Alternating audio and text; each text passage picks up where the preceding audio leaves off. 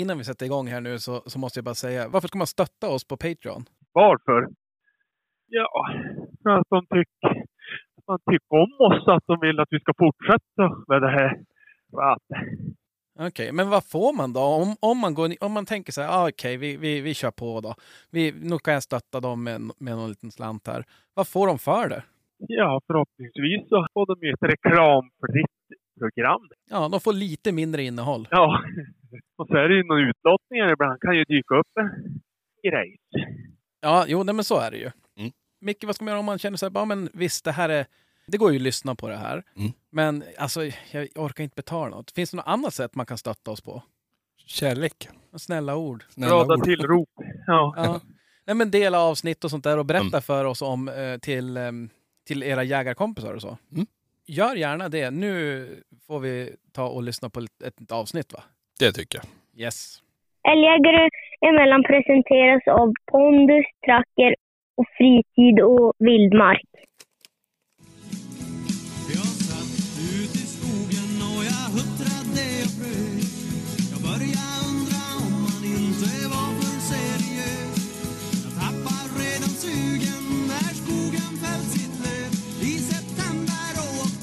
Jaha, är ni redo nu gubbar? Jajamän. Hej och välkommen till vår podcast Minkfångare. Minkfångaren... Vad, vad är det du Emellan. sitter och säger nu? Mink? Nej! Vad fasen är det du fångar då? Mård? Mård. Ja men. Minkmård. Potato, potato. Det är väl Jo du samma grabbar, sak. nu har jag fått upp färten. Rackarns. Eller kanske bara, eh, det kanske ska vara tv-kockar emellan. Ja, det har jag fått Ja, mycket precis skit ja. Vilken succé, vilken succé! Ja, det är snyggt. Jävlar i mig.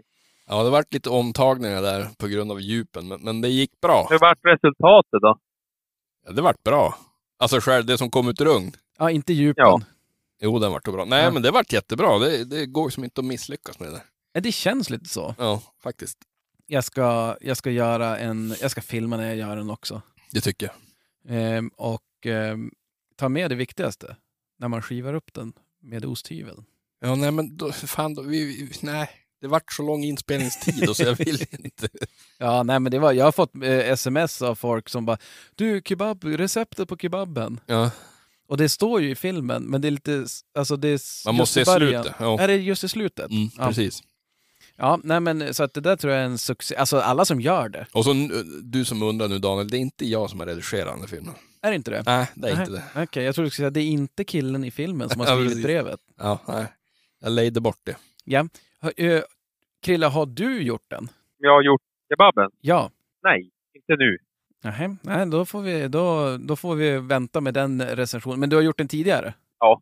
Okej, Jodå. Ja, ja nej, det, det är faktiskt... Vi, pratar, vi tjatar mycket om den där kebaben. Men Ja. den, den, är, ja, den, den är bra. Den är jättebra. Den är, den är, så, så nu har man hela vårens förbrukning gjord. Är det så? Mm. Hur mycket gör du åt gången? Jo, men vad inte ni såg, det var att jag gjorde en dubbelsats. Aha. Ja, men vadå? Alltså, Två På- kilo. på två kilo? Och Ja. det räcker hela säsongen? Nej, hela våren. Ja, men alltså, ett, ni åt inte den då? Nej, nej. Nej, nej, nej. Utan där frös ni i 600 grams påsar. Vad han har. Den som spär den här. Det var bara produktion. Det Det var var- inte matlagning. Alltså, det är inte så Nej, här, nej, det var, nej, precis. Nej, men det där, det, det vart jättebra. varje gång jag gör den så är det så bara, när är den klar? Nu måste vi Jaha. äta upp den. Ja. Nej, det, numera är ju som nästan bara jag och Sandra hemma. Så att Ja. Det där kommer att räcka länge. Ja, nej, men det är bra. Mm. Hur är, vi, nu vart det så konstig start, man är ju som vanedjur, men hur är läget med, det, med er grabbar? För mig är det jättebra som vanligt. Ja, det är väl samma, samma skit här eller vad säger jag. Jag är halvfull. Ja, och, och eh, det är klart, det är ingen, ingen hund på plats än. Nej, Eller ja, en hund, men inte den nya. nej, nej precis. Jag börjar ha lite frossa. Nästa Ja, fredag. ett, ja, Ja. nu är det ju så här. Han, ska ju, han är i Polen och jagar nu, han som ska plocka upp den där. Ja. Och ja, han går ju som inte att ringa åt nu. Ja, man har, har, eh, han pratar ju om den 14 ska han ju hämta. Det är ju på söndag. Ja. Ja. Men jag tror han skulle komma hem från, det har varit någon miss, lite miss där. Jag tror han skulle komma hem från Polen den 14 och så kanske han kom, ja om man far en måndag eller tisdag. Jag vet, det har jag inte riktigt koll på än. Nej. hoppas han som att Kalle har lite överseende med att jag... Jag tror han tycker det är bara skönt att bli av med den där ja. Jo, men Ja, nej men precis. Jag tänkte han blev överväntad. Han ger väl någon annanstans snart om jag honom. Jo, känner jag Krille rätt så, ja men jag hämtar han där vid typ 18-19 augusti. Ja, precis. Gärna väl, Ja. li- lite vältränad. Han försökte övertala mig i helgen att ja, men ska jag inte komma och hämta han själv ändå. Hur kan vi jaga? För då var ju jaktpodden var ju där. Jörgen var ju där och jagade nu då. Ja. Och man vart lite halvsugen ändå. Det kan man ju inte erkänna. Ja. Får se, helgen som var, då var det ju minus 30 grader, 40 grader hemma hos dig. Ja, det var det. Det talade alltså emot. Och de hade just skjutit en, kalv och var på, hade skjutit några rådjur. Och, ja, det var ju så himla bra allting själv. Isbit. Ja, ja nej, men det där, där ser man hur det är.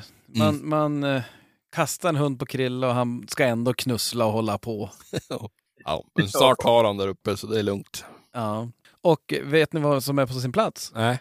Ja, och fråga hur är det själv? Jaha, nej men det är ju alltid på sin plats och det är jag van. Skönt. Ja, jag vet ju hur det är. Ja, ja. Eh, Men vad som verkligen är på sin plats, det är ju att önska Krille grattis. Ja, visst i tusan. ja, visst är det visst. Det är jävligt viktigt. Ja, men vad fasen, det är inte... 44 bastet. Det är som en liten ung paj. Ja, du är knappt torr bakom öronen. Nej du. Helskotta alltså. Är det 44 du fyller? Ja, tyvärr är det så. Jag hade just tänkt att fråga hur, hur är det att vara pensionär då? För jag tänkte ju att du var lite äldre. Ja, det. Man tror jag ibland när man känner kroppen. Jo, men man ser hur jaktgöm du är. Du bara, ska du inte komma ner och jaga älg och rådjur och det är svinskoj? Du bara, nej. Nej. Det är som en ladugårdsdörr. Ja. Och jag står där med Hampus och han bara, men vad fan, far bara ner. Ja, Inte bara så bara. Ja. Wow, ba. Men alltså, förstå när Krille bara- är 75. Ja, han kom. Ja, det kommer inte att vara någon höjdare alltså. Det kommer inte att vara.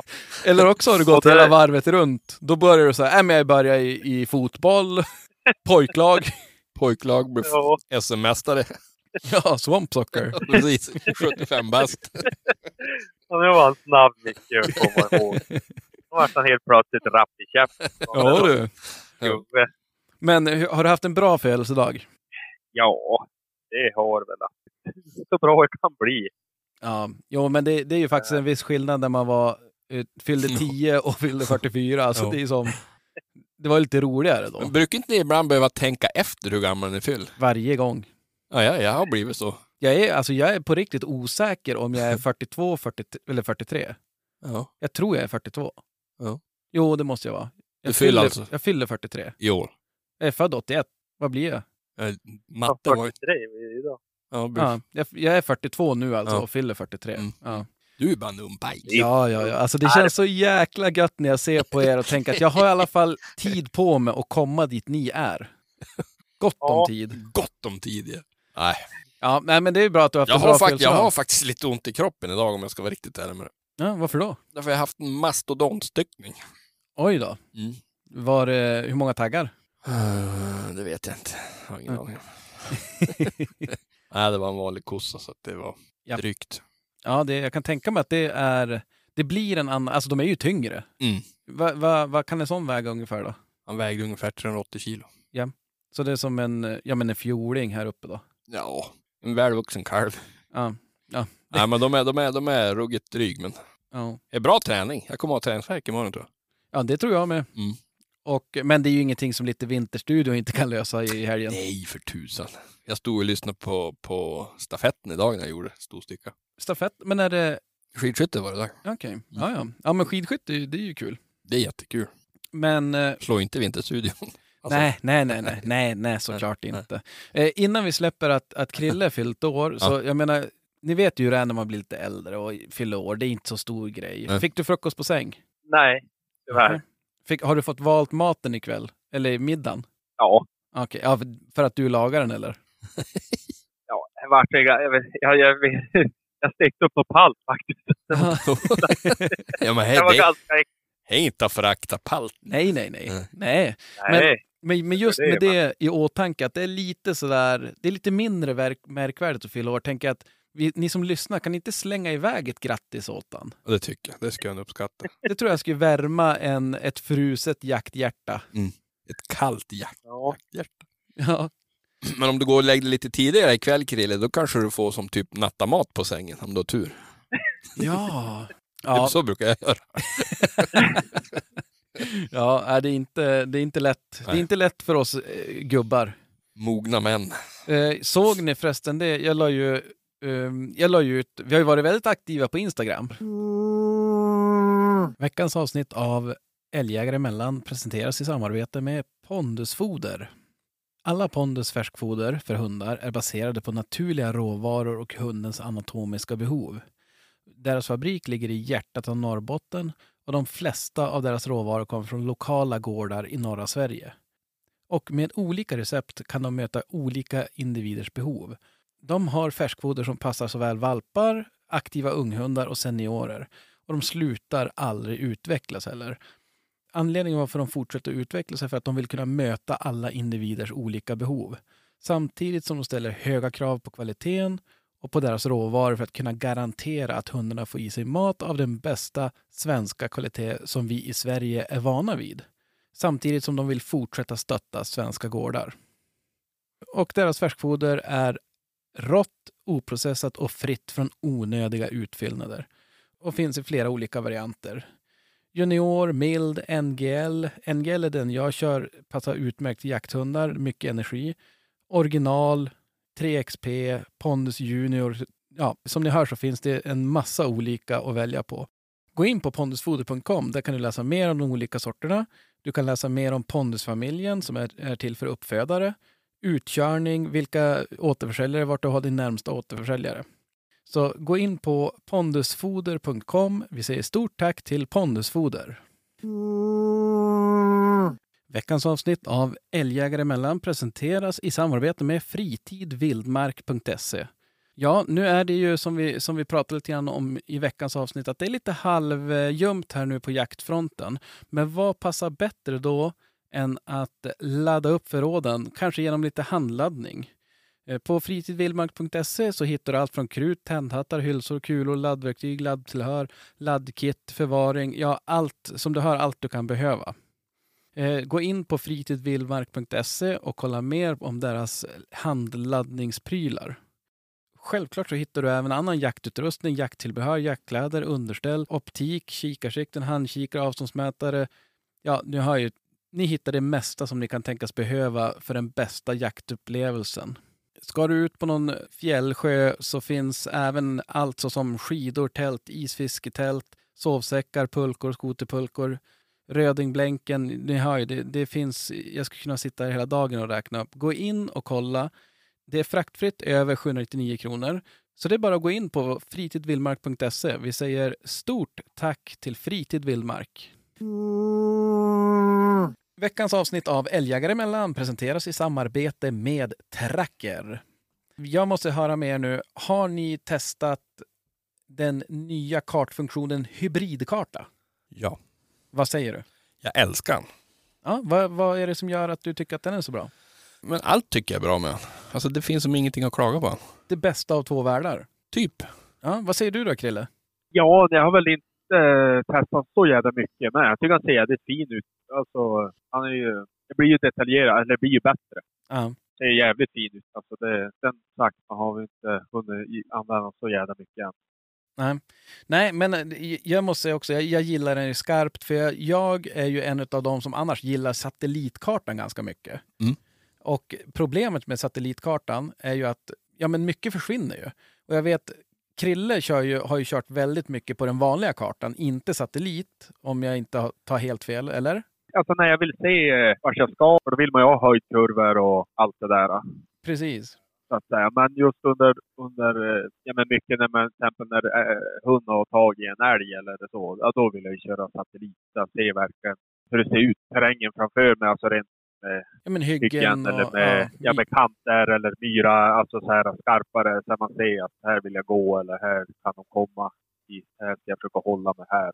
Mm. Typ så. Och det tycker jag de har löst. Det, det är ju det som jag tycker är det bästa med hybridkartan här nu, att man får den bästa av båda, båda världarna. Mm. Att, man, att det lyser igenom. Så det är ju, Eh, genialt. Och har ni inte kollat den så vi kan lägga upp någon, någon, någon ehm, trackerfilm hur det ser ut. Mm. Och eh, gå in och läs mer på tracker.fi. Vi säger stort tack till Tracker. Tack. Sist. Vi brukar göra sådär ibland. det blir så som då, ryck. ja, då, då lägger vi ut ett inlägg och tycker att vi är aktiva. Ja, jo, jo, jo, absolut. Men, men förutom filmen, och jag la ju ut en bild på eh, en termometer. Mm. Minus 17 grader eller vad det var. Mm. Och jo, det var några som skrev. Jo. Det där är ingen kyla. Nej. Nej. Nej, men man ska ju provocera lite grann, det är roligt. Ja, och jag menar apropå avdelningen provocera. Mm. Var det ju någon som gjorde ett, ett väldigt roligt inlägg. Nu är ju det händelser eftersom det är vår Instagram-ansvariga som lägger ut det. Ja. Så Ja. då måste man vara på tå och vara med. Jaha. Annars missar man det. Ja. Men när, eh, det var ju någon som hade varit och gått en jaktprov i Äppel... Vart var det? Äppelbo. Äppelland. Äpplebo, ja. ja. Ja. Det var ju... När jag startade trackern och så såg jag han var där och så stod jag app, alltså Applebo. Alltså, det hängde sant. Jag måste ju bara ta, ta vara på den här chansen. Ja. ja, ja, ja. Men alltså det, det är ju så här, för, för de som... Eller, ja, men det de, bevisar ju bara. de som vet, de vet. Ja, precis. Eh, och, och jag menar när det gäller, eh, jag, jag fick ju en samma, eh, pigg av det upptåget så såg jag också en fråga, det finns någon sån här frågegrupp, fråga Måns, jag vet inte vilka de är. Jag tror de har en podcast där man kan ställa frågor och de försöker svara på riktiga frågor. Mhm. Och då var det en fråga, vad kostar en älg levande? Ja, det såg jag. Precis. Ja. Ja. Och då var ju jag också lite full i fan så jag tänkte den där, jag vet en kille som antingen vet eller också har någon att sälja kanske. Ja. Men, men, men. Ja. Eh, har det hänt något jaktligt? Ja, men berätta nu. Du har ju varit och... Var det mink eller mård eller järv eller vad var det du har fångat? Järv. Mård har jag fångat. Jag, vart, jag blir så himla lycklig när jag får mårdar. Jag fattar inte. Ja. Jag ska sluta med älgjakt och bara ägna mig åt mårdjakter. då. Ja, men det är ju absolut. Nej, men det, det har ju varit ganska stendött där uppe. Den här slingan som jag körde nu, eller där den satt, jag fick ju den andra målen också på samma slinga. Men det har varit jäkligt dött där. Det har varit lite spår överlag. Okej. En älg hade gått genom marken, det var det enda. Ja. Och så vart det den här jävla kylan, så jag har inte varit och kollat dem på en vecka. Men vet du hur de är när det blir så där kallt? Alltså, ligger de bara i, ihopkurade någonstans då, eller är de Det fortfarande jag- det- aktiva? Ja, det tror jag att de är aktiva. Jag tror inte de har tid att vara, ligga bara och slöja. De går nog mycket energi för då. Måste Ja. Men då, jag såg på, det var säkert 700 meter för fällan att nu, nu har han varit och sprungit. Och men det är ganska fränt man ser han sacka över skoterspåret som man kör. Ja. Komma närmare och närmare och närmare och till slut närmare fällan, då blir det jättemycket spår. Det är som att Jaha, han, den känner att det är ja, här, han känner att det är någonstans. någonting, kanske lite halvfeg, vågar inte gå upp. Ja. Eh, Så att eh, då när jag kom upp till fällan, då såg jag, då hänger rumpa ut där. Så att det var ju jäkligt spännande och kul. Och det roliga är att det finns en till nu som gick bara förbi en fälla på ja, 15 meter kanske. Okej, så att det, det, vi, vi siktar på tre helt enkelt? Det kommer det att bli. Det är jag nästan övertygad om. Ja, men du Jag ska upp med några ny- nya fällor i, i helgen hade jag tänkt om det inte blir 48 minusgrader. Nej, men nu ska det väl vara lite, Mm. lite mildare hoppas vi. Och det är på andra sidan marken så att då får man som börja ta dem där. På den sidan. Ja, ja, men man vill ju som också ha en frisk och hälsosam stam. Exakt. Man Ja. får inte ta för mycket. Ska inte ha sist, Nej. sist uh, mården. Nej. Men uh, apropå det, för mård är väl ett rovdjur? Ja. Eh, jag har ju faktiskt roat mig med att ringt och prata med någon som, han har inte fångat rovdjur, men han har jagat rovdjur, han har jagat varg. Mm. Och eh, jag tänkte att vi kan väl göra som så att vi, vi lyssnar på, på vårt surr. Mm. Och sen återkommer vi efter det helt enkelt. Det blir ju perfekt.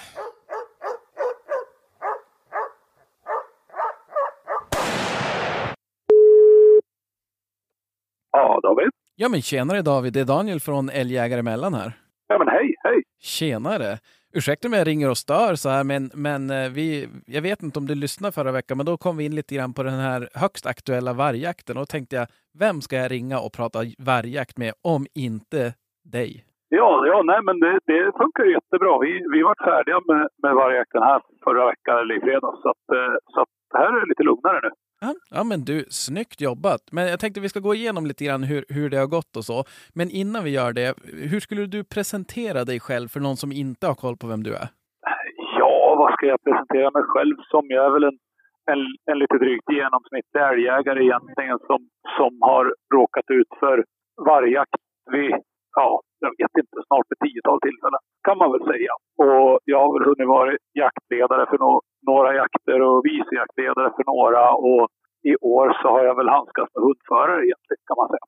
Ja, och om någon känner igen rösten så kan man faktiskt eh, känna sig trygg med att vi, det finns redan två avsnitt med dig.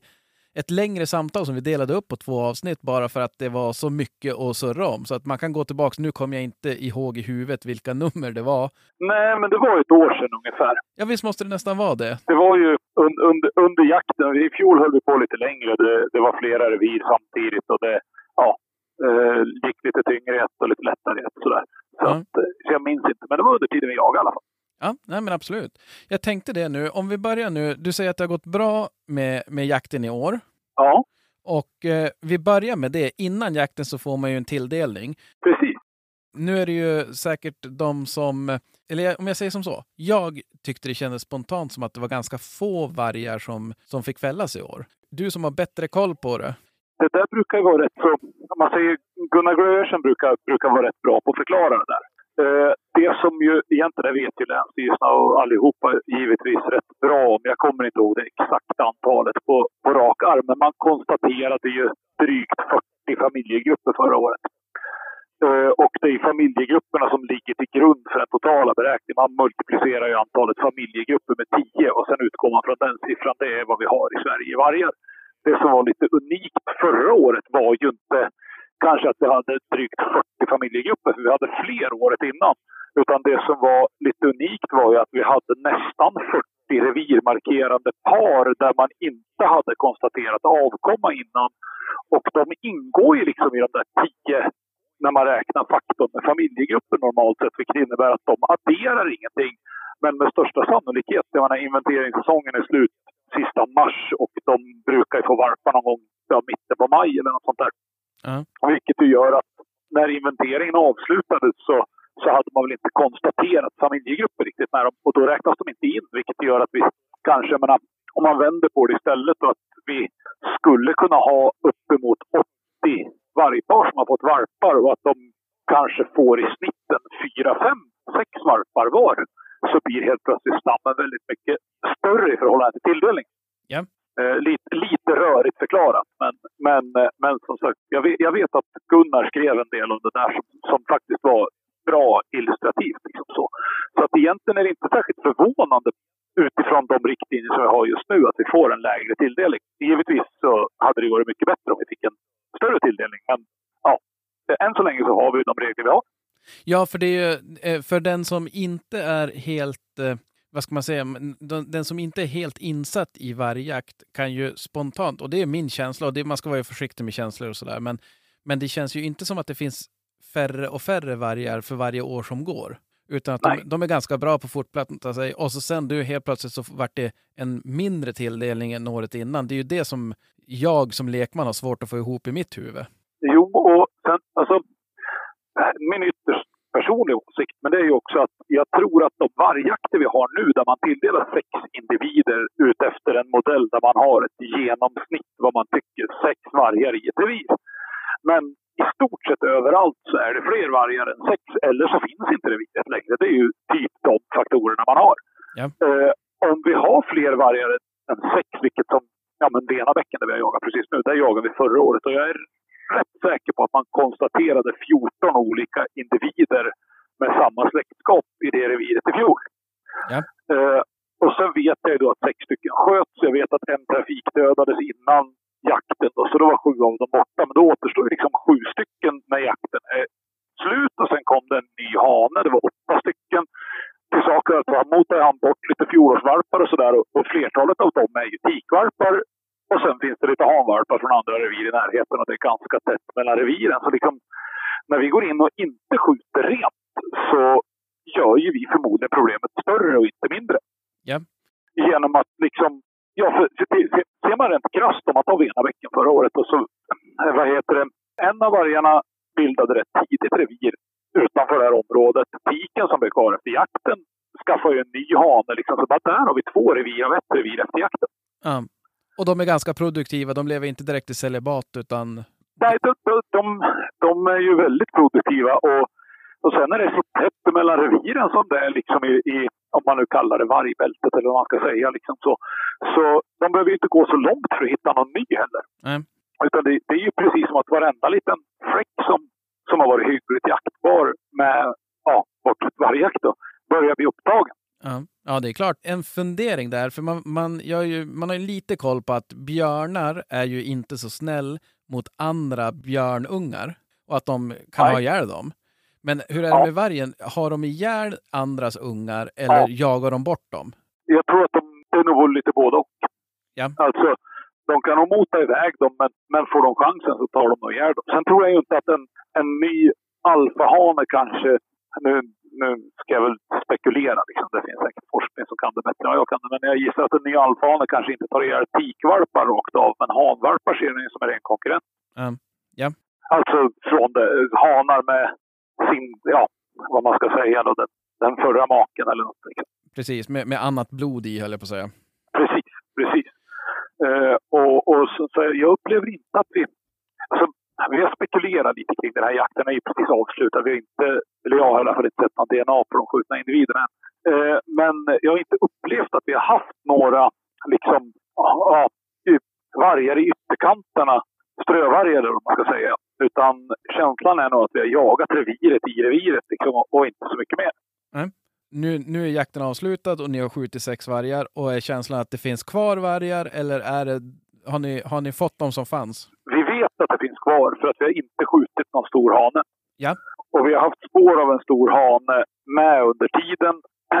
Första dagen så sköt vi en tikvalp. Sen andra dagen exploderade det lite, då sköt vi fyra. Eh, Och då hade vi ju skjutit fem av sex och vi visste ju redan på kvällen vid vägningen att det fanns ingen stor hane bland de här fem. Eh, Och då tog vi tredje dagen, ringade vi in en valp väldigt snabbt. Men vi bestämde lite grovt att vi ska leta reda på hanen innan vi börjar jaga. Så att vi inte skjuter en valp till. Uh, och så vet vi garanterat att hanen är kvar. Och vi hittade hanen med ytterligare en valp då och slog ring på. Men sen hade vi lite tumult både med vargarna och sen så kom den sista valpen in i det här och hundarna krockade med ett gäng vildsvin och grejer. Så att det vart lite rörigt. Och vi bröt det området så vi visste helt enkelt inte vart vargarna hade tagit vägen. Det är, det är någonstans mellan 50 och 70-80 centimeter snö, helt lös snö egentligen. Så att det är jäkligt svårt att spåra annat än vägar. Ah, Okej. Ja, Alltså om du ska spåra med inriktning på specifikt. Du ser ju efter en stund att ett vargspår liksom så. Men du klarar inte av att se om det är en stor eller liten. Nej. Eh, och sådär då. Så att, och då, ja, där gick den dagen åt liksom. Vi, ja, vi gjorde väl något liksom halvhjärtat försök när vi ändå hade passare på plats eh, igen. Men det, det var rätt resultatlöst. Sen dagen efter så ringar vi igen, ringar in ytterligare, alltså en av dem, men sannolikt liksom en valp först. Sen går hanen och den andra valpen in i samma område. Vi kör igång en jakt på det, ställer ut, släpper, men, och det, det blir en varg skjuten. Tyvärr så är det bara en valp med när hundarna kommer, så det är den som blir skjuten. Liksom. Så, så, så hanen är kvar här någonstans. Och hur resonerar man då när man tänker, alltså för eh, som jag förstår så ville ni ju försöka komma åt den här stora hanen. Varför vill Ja. ni komma åt den stora hanen och inte en valp? större chans att splitta reviret helt och hållet om vi lyckas sådär båda alfadjuren. Nu kan det ju absolut ha varit en tikvalp kvar som ju ja, kommer en hanvalp från reviret bredvid liksom så, och kan ställa till det på något sätt. Men magkänslan säger väl ändå att, att får vi bort båda revirmarkerande djuren så, så har vi lite bättre förutsättningar. Ja. När man säger att det, när man sätter just att det är tilldelning på sex djur, vilket är, ja men det är ju det vanliga, förutom ett område nu var det väl i, i, vid Örebro, i Örebro län där det var 12 djur. Precis. Ja, men Örebro läns 12 djur är två revir. Ah, okej. de, de har en, till, en tilldelning gemensamt på två revir. Så det, det kan rent krasst bli fem i den ena och sju i den andra. Ah, okej, ja då är jag med. Så att det är sex per revir Ja, och man räknar att ett revir är tio. ja, ja precis. Alltså, nej, man räknar inte att ett revir är tio utan man, alltså i de här tio siffran så har man räknat med eventuella strövargar, icke-revirbildande Mm. vargar, eh, revirmarkerande par. Liksom. Så det där är egentligen bara en faktor för att göra beräkningarna lite lättare. Okej, ja då är jag med. Så att man, man, när man jagar i ett revir och, och det får en tilldelning på sex så är tanken där då att reviret ska... ska bestå av, av eh, sex individer. Precis. Ja. Och, och då liksom som sagt, när man, så att det där är ju lite, man, man behöver skilja på de där begreppen lite grann för att vara revir och familjegrupp. Liksom, så. Eh, för att när man har, ja, en familjegrupp grupp är ju samma sak som reviret egentligen, men just när man använder den där omräkningsfaktorn så, så, så räknar man ju med liksom att i den där familjegruppen så ingår även vargar som inte finns i reviret. Okej. För det, fin det finns ju ett antal individer som springer runt lite överallt som inte har något revir. Nej, nej, nej. Och sådana eh, stöts ju på här uppe också. Eh, åtminstone på genomresa eller ja, blir det skyddsjakt om de är på fel ställe. Och då, och då antas ju de vara liksom samma som de här som jag sa tidigare var revirmarkerande paren då, som är två under inventeringen. Ja, men era som springer bland renarna, de där revirmarkerande paren, de utgör de här sista fyra i det som är faktorn 10 när man räknar tio gånger en familjegrupp. Ah, då är jag med. Så att tanken är att när, när det jagas, till exempel Venabäcken nu där du var och jagade, och Ja. eh, det är sex tilldelning, då är tanken att det, eh, det reviret ska, Ja. ef- efter, det, efter ni har skjutit fullt, så ska det reviret egentligen inte finnas, utan däremot kan det vara eh, strövargar och eh, ja men Precis. Ja, då är jag med. Så att nu, i och med att ni inte sköt den, eh, den stora hanvargen här nu, så är ju egentligen eh, revir, delar av reviret kvar kan man säga. Ja, reviret är ju inte upplöst. Och förra året så var det ju så att man inte sköt tiken. Och det gjorde ju liksom att då kom det en ny hane. Huruvida det kommer en ny tik eller hanen drar härifrån och letar reda på en annan tik eller i, i nästa scenario då som, som, som ju skulle försämra saken framförallt eh, genetiskt ännu mer är att ponera att alfahanen går kvar tillsammans med en av sina egna tikvalpar som börjar löpa här om någon månad eller två Ja.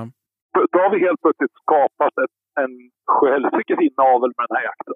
Ja, det är, inte, Så- det är inte lätt det här alltså. Att, Det, det är inte lätt, men samtidigt hade man velat göra det lätt så såg man till att det blev tomt. Exakt. Det, det, det är liksom inte svårare än så. Alltså, jag har varit med på flera jakter där, man, där vi liksom ja, men har skjutit ett alfadjur väldigt tidigt och sen har vi inte kommit åt det andra, ofta en hane tidigt. Och, och så tar det två, tre veckor, då kommer det in en ny hane.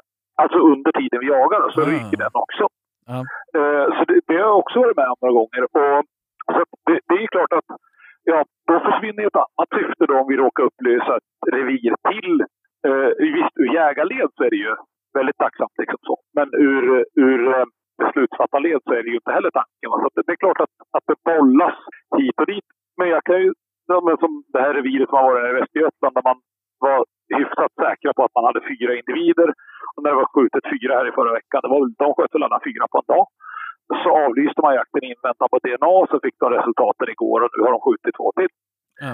Eh, för att det var två som inte hörde till och så vidare. Eh, menar, man har ju ändå de möjligheterna att relativt sett snabbt analysera det här. Alltså, jakten är ju hyggligt beroende av spårsnö så det kan man ju reda ut med väderleksrapport. Liksom.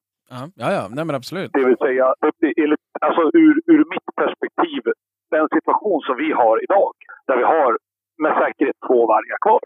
Där, där borde Naturvårdsverket se till så att länsstyrelserna har möjlighet att bevilja att vi skjuter dem också. Ja. Framförallt tänker jag om det ur, för det pratar ju mycket om genetiskt viktiga individer och sådana saker, att vi vill minska inaveln och jag menar det Ja. här är ju, det här ökar ju snarare inaveln. Fullständigt kontraproduktivt. Ja. Och, och li, lite grann blir det ju också så att, att eh, jag menar, nu, nu kan jag väl uppleva att det här året så har det varit väldigt många som tycker att det är rätt roligt att jaga vargar ändå. Liksom så. Ja. Men, men samtidigt, det, det kostar en hel del pengar och tid att hantera en vargjakt. Liksom. Alltså, bara här som sagt, vi har väldigt mycket snö, eller för att vara på våra breddgrader jämfört med er så har vi inte väldigt mycket snö förstås. Ja, ja, ja. Men, men för, för att bedriva jakt när vi har mellan 50 och 80 centimeter snö, det, det ger ju sig självt att jag gissar att ni mest jagar toppfågel under de förhållandena. ja. Och det innebär ju att allting behöver plogas. Vi ska ha ut mellan 40 och 80 passkyttar varje jaktdag. Liksom. Så, så även om de som spårar har hygglig fyrhjulsdrift liksom, så kommer det att komma fem stycken som inte har och de ska ju också beredas möjlighet. Och jag vet inte vad det är lagt en 15-20 000 på snöröjning i det här området bara för de här dagarna liksom, Och det är klart att när den energin, de resurserna, alla timmarna för planeringen har lagts och sen så eh, kan vi nästan med säkerhet säga att, att ja, men innan vi hinner börja jaga älg nästa gång så, så finns det nya vargar. Exakt, och det är det jag tänker att incitamentet om man nu säger, ja men vet du vad, nu ska vi tömma det här reviret och att vi vet att ja men nu går vi ut och jagar, det kommer göra, visst självklart kommer det komma nya vargar vad det lider, men vi kommer Ja. få respiten en, en säsong eller någonting. Ja, men precis. Och, och, och det är väl lite så man, man eh, det är väl lite den förhoppningen man har liksom när man ja, men typ städar upp det. Då. Så på så vis är det ju lite tråkigt att det, att det slutar på det här viset. Liksom. Ja, för det innebär ju att det finns inga vinnare i det, varken i, i, i, ur jägarled om man, inte, om man vill kunna släppa drivande hundar och så och är orolig för att Nej. släppa hund, eller om man är eh, väldigt, om man tycker väldigt mycket om vargar och bryr sig om deras välmående så är det ju också dåligt för dem om de Ja. parar sig med sina egna avkommor. Jajamän. Och det här kan jag ju tycka att det här har ju visat sig nu under, under ett antal licensjakter. Och, och då borde man väl kanske börja inte bara ta sig en funderare utan alltså går man tillbaka några år så, så var det ju områden som man gav extra tilldelning. Jag vet, jag jagade ett område för två år sedan och då fick vi två stycken extra tilldelning för att det var inte, det, det var ett sånt där område där vi hade korvvargar på två revir. Liksom. Så vi sköt lite, vi sköt alfadjuren väldigt tidigt, men vi hade flera fjolårsvalpar kvar. Vilket gjorde att man bedömde som risken att vi skulle få mera problem. Och så var det slut på tilldelning. Och då fick vi två stycken till. Och det tog ett dygn så var det överklagat och inhiberat. Vi hann aldrig få någon spårsnö en gång för att jaga dem. Mm. Så att där försökte man ju liksom så. Och, och jag upplever väl liksom, tycker att jag har en, en, en eh, sund dialog med våran lokala länsstyrelse här och de eh, får jag känslan av resonerar ungefär som jag i just den frågan. Ja, Det är bara det att de måste ju kunna ta ett sådant beslut med, med lagstöd. Det här är ju liksom inte, jag menar, det spelar ju ingen roll om, om de skulle vara, ja, typ vargmotståndare. De är ju ändå på jobbet liksom. Precis som du och jag när vi går till jobbet. ja Och då, när vi gör som chefen säger liksom. precis. Och, och, och det, det, jag kan förstå, kan förstå en frustration där också när man, när man liksom, ja men som i Västmanland var förra året så jagade jag ett revir där vi, ja men det som jag beskrev där vi fick extra tilldelning men det var tillbakataget. Och det har varit ett nytt revir direkt på det med en av fjolårsvalparna. Ja, Eh, då fick man ju bevilja jakt på det reviret igen för andra gången, så det jagade vi förra året. Då. Eh, och här är ju lite samma sak i Venabäcken. Liksom. Det var inte färdigt förra året eftersom det fanns en tik kvar och några avkommor. Och så får man bevilja jakt på det igen. Och det tar ju också lite av utrymmet i de här 36 vargarnas tilldelning att vi ska behöva harva igenom samma område en gång till. Ja, det blir ju något annat revir som blir kvar då som det inte blir Det jakt blir på. någon annanstans där man inte ens får chansen att försöka. Liksom. Nej. Nej, och det, det är någonting som jag har funderat mycket på. Just den här möjligheten att jaga varg tror jag är den enskilt eh, viktigaste komponenten för att öka, vad ska man säga, inte acceptansen, men Ac- ja, Ja, det jo, kanske blir acceptansen. Det för jakten i just det jägarleden. Ja, jag tror ju kanske aldrig att man kommer att nå den acceptans som man ändå har för björn och lo idag eftersom björn och lo inte inskränker möjligheten att släppa en, drevande, eller en drivande hund. Liksom. Eh, så att den acceptansen ser jag som väldigt svår att nå med vargar. För så länge det finns vargar så, så kommer du liksom inte att kunna... Ja, du kan släppa dem givetvis, men du måste tänka dig för på annat sätt. Exakt. Men du kommer ju ändå öka den. Alltså även att du inte kommer Ja. få full acceptans någon gång, det tror inte jag heller. Men Nej. Eh, att, att ändå öka den gör man ju enligt mig bara genom att göra det till ett jaktbart vilt och att ja, men man, får, Ja. man får möjlighet att jaga dem. Precis, precis. Och, och, och det tror jag också. Sen, sen hur man ska utforma det där hållbart, det beror ju egentligen på vad man har för regler för sig ovanifrån. Liksom, så. Ja.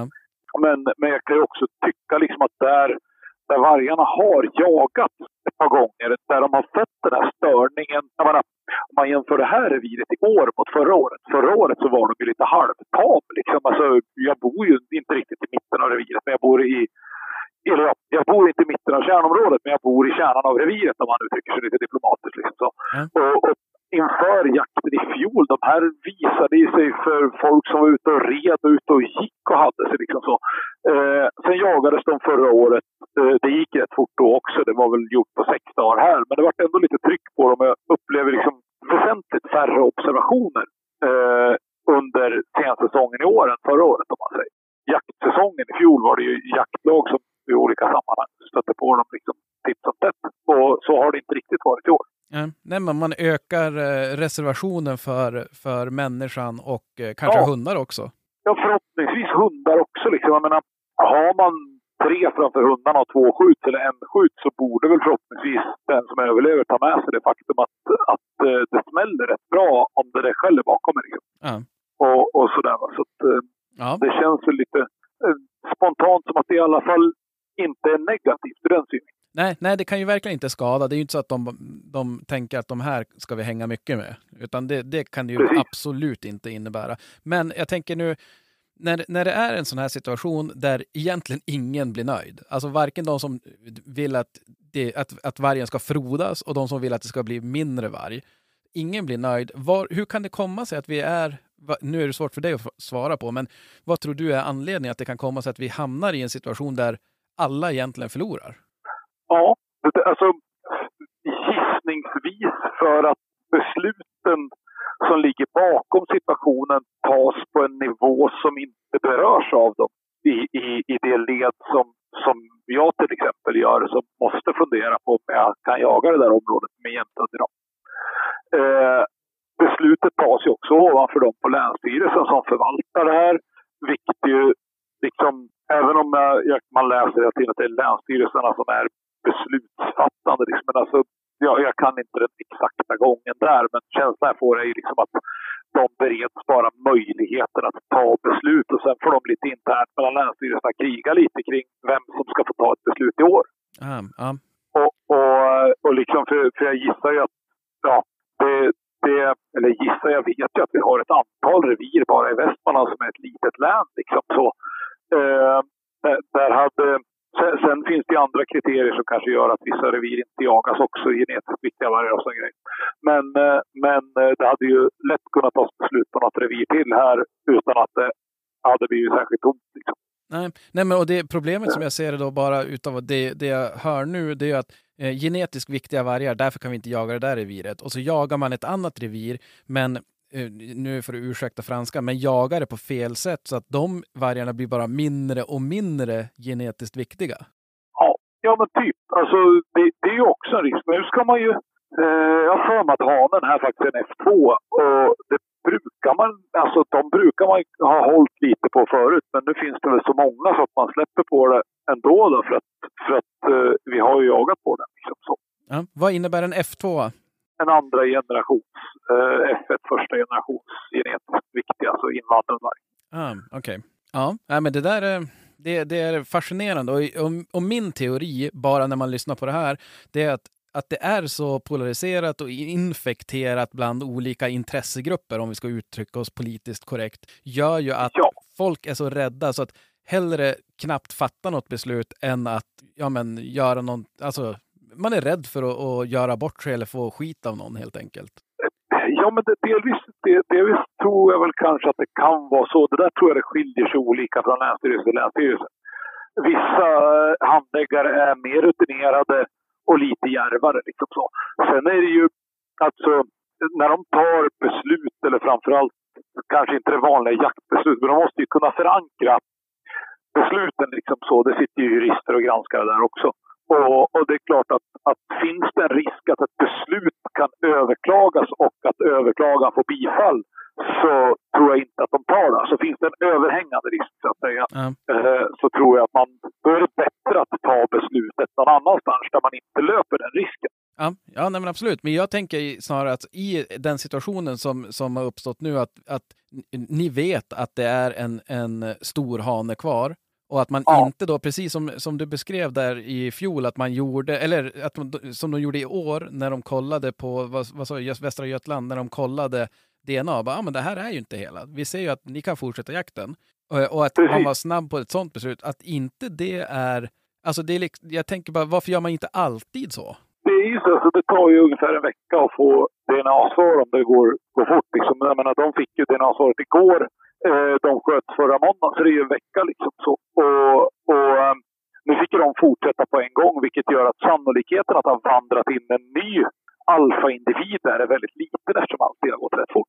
Ja, ja, ja men det, i, bästa, i den bästa av världar hade de fått eh, ehm, att, att man hade kunnat gjort det direkt så att säga. Eller att man hade tömt reviret så att säga. Ja, jo, i det fallet alltså. tycker att det är lite luddigt för man har ju givet en tilldelning på sex stycken från början. Ja. Men, eh, men sen har man själva tagit, alltså Länsstyrelsen har tagit DNA och liksom fastslagit att vi har bara hittat DNA från fyra, alltså finns det fyra. Jag är sådär lite nyfiken på hur de kan vara så säkra på att de bara har hittat fyra. Förra året så hittade man DNA av åtta stycken i Venabäcken och det var ju som sagt 14. Ja, jo, men och, och där egentligen blir det ju som två olika fall, för här hade de ju tilldelning på sex, sköt Ja. fyra och sen bara, Ja. nej men ni får inte skjuta något mer. Om jag har förstått Nej, ni får inte skjuta dem för vi har bara hittat DNA av fyra liksom. Så. Ehm, och sen så tar man DNA-proven och så släpper man på. Alltså, ja, jag, jag kan tycka att det där är en liten diffus fråga för då är man väldigt säker på att man, eh, att man eh, inte ska ha mer än fyra individer. Det är ju inte helt osannolikt att det finns en levande individ där som hör till reviret som de inte har hittat DNA från. Nej, nej. nej. Och om man är så säker ska man inte säga, nu förstår jag eft- eftersom det är grupper av sex, men annars att, ja men varför, varför ha sex på tilldelningen då? Ja, och, och, och lite precis. Varför har de det? I fjol löste de ju av en del områden som var tomma snabbt. De var ju rätt heta på det. I det här fallen så tänker jag ju liksom att eh, även Länsstyrelsen borde ju kunna haft sån koll. Så att jag menar, de klappar ju de här två sista vargarna direkt idag när de fick börja jaga igen.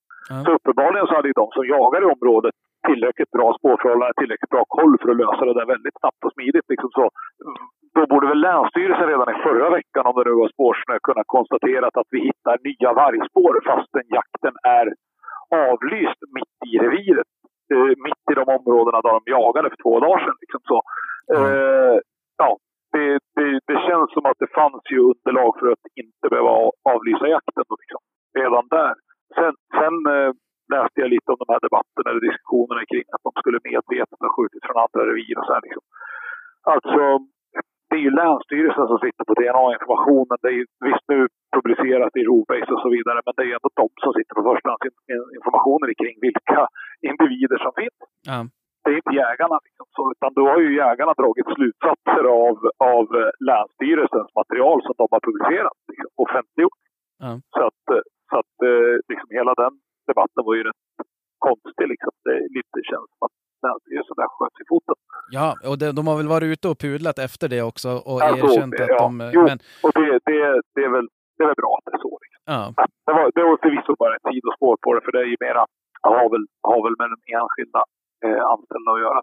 Ja, och det är det som jag tycker är, känns lite... eh, Vad ska man säga? Det känns inte så rättssäkert att det är den enskilda anställda som ska säga bu eller bä. Utan att det borde ju vara ganska Nej. tydligt där att ja, men i de här situationerna inträffar det, ja men som i ert fall nu. Nu har vi skjutit sex stycken, det är en vuxen kvar. Ja men hur, skicka ut någon så här, om vi konstaterar spår efter en stor, eh, en stor hane, ja men alltså Ja. då vet man ju det. Ja men då, ska vi, då gör vi så här. Vare sig det är bu eller bä, men om det då är ja men den ska sparas. Okej, men då kan vi inte komma sen och säga att det är viktigt att vi ska eh, jobba för vargens genetik och att det inte ska minska inaveln. För det vi gör nu det är Precis. att riskera att öka inaveln. Precis, precis. Jag gillar inte det där när det är någon som ska tycka och, och, och känna.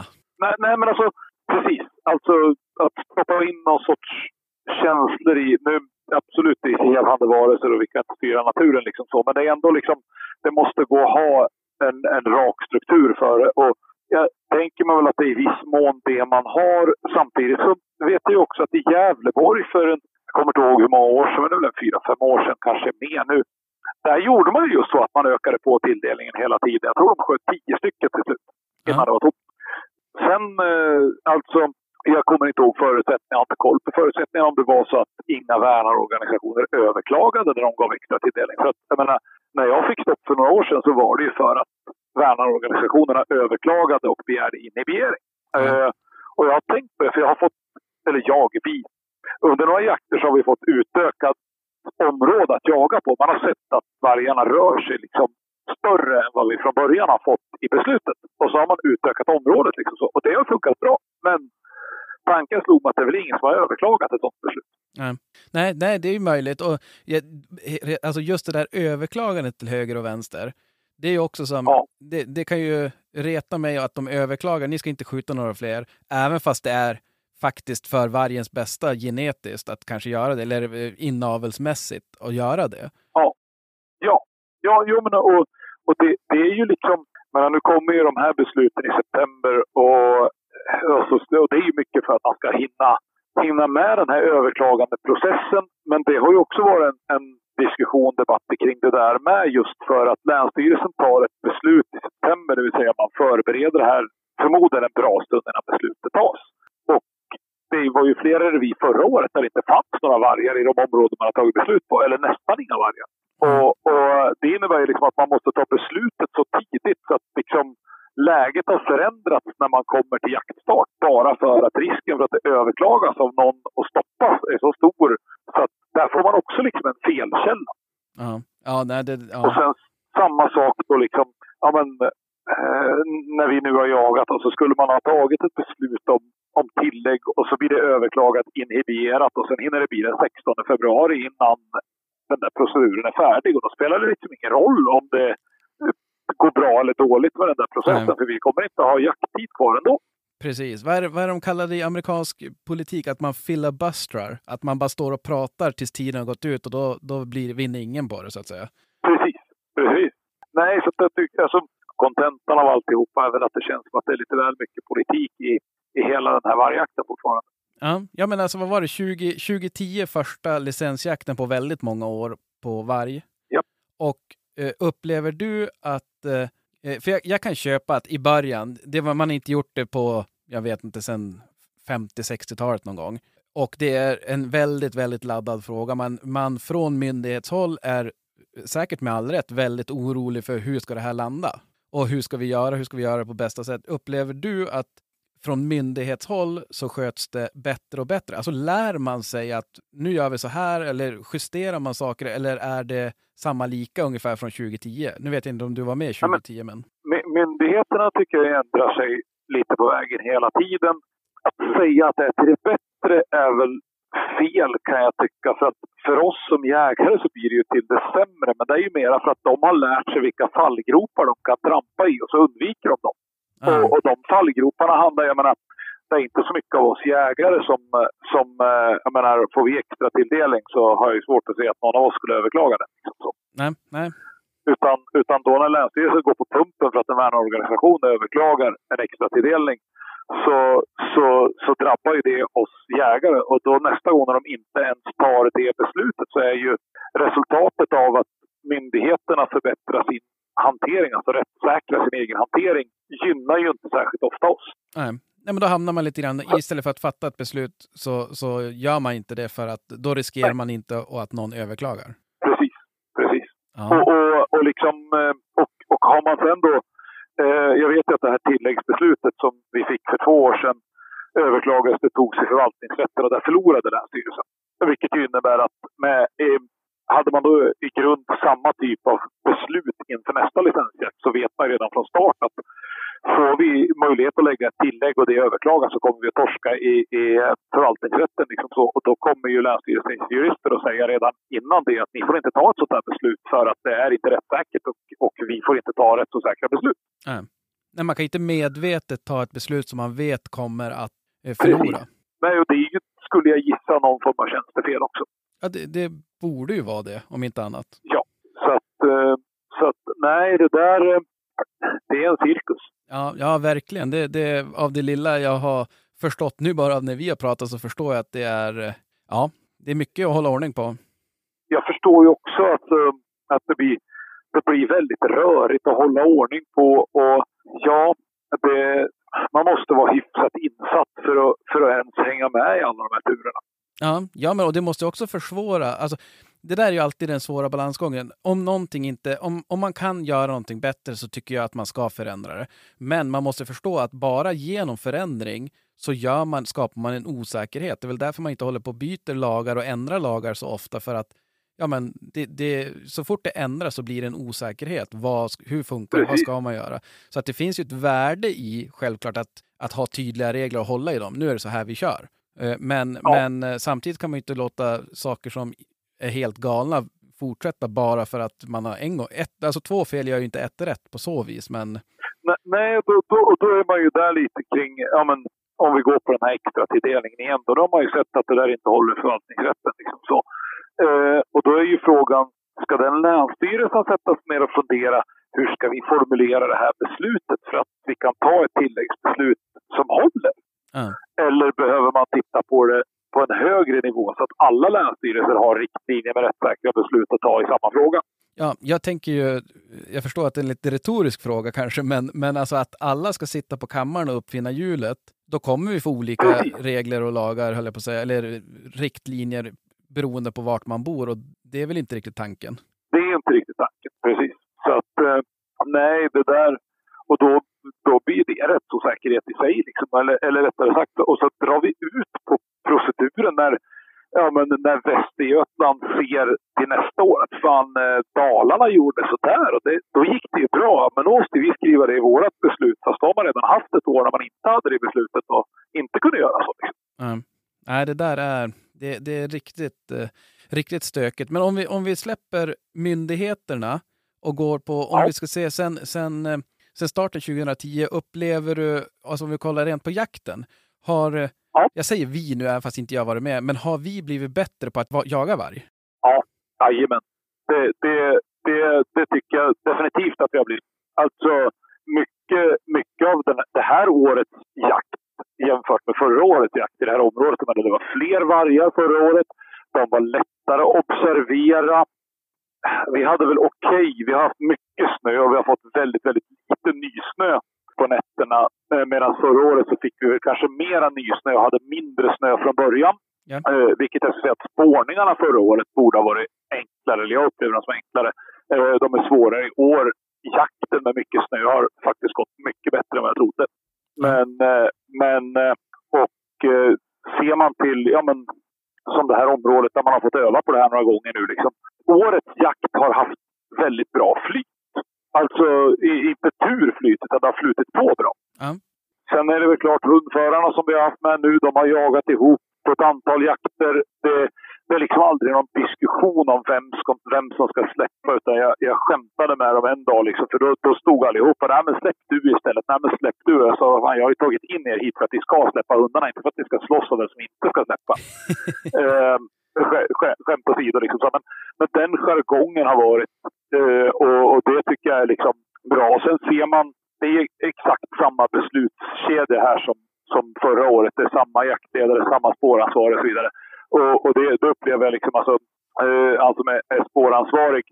Vi, vi brukar ses klockan fem varje morgon och så sitter vi och väntar in vad som händer. Liksom, för spårbilarna är ute och rullar. Och liksom, hans telefon går väldigt varm mellan klockan fem och klockan sju. Eh, och nu är de väldigt snabba. Liksom. Även om de lägger in spår i, i, i WeHunt-tracker liksom, och sådär, så direkt så ringer telefonen och säger ja, men nu har vi ett spår som vi jobbar på. Det går norrut på den där och den där vägen. Och då är han med med kartor på bordet och liksom, ja men där har vi ett spår som går norrut. Kolla med den spårbilen som är där uppe Ja. om de har stött på de här spåren eller om vi ska hjälpa till där. Så, att, eh, så jag tycker att det går, det går väldigt mycket fortare. Ja. Ni, ni börjar få rutin på det. Ja, men alltså, det, det, det tycker jag verkligen. Liksom, utställningarna när, när jaktledarna ställer ut alltså 80 passkyttar på 25 minuter. Ja, det är imponerande. S- Sug på den! Det, det liksom, ställer en bra, tät och hyggligt välfördelad ring på 25 minuter.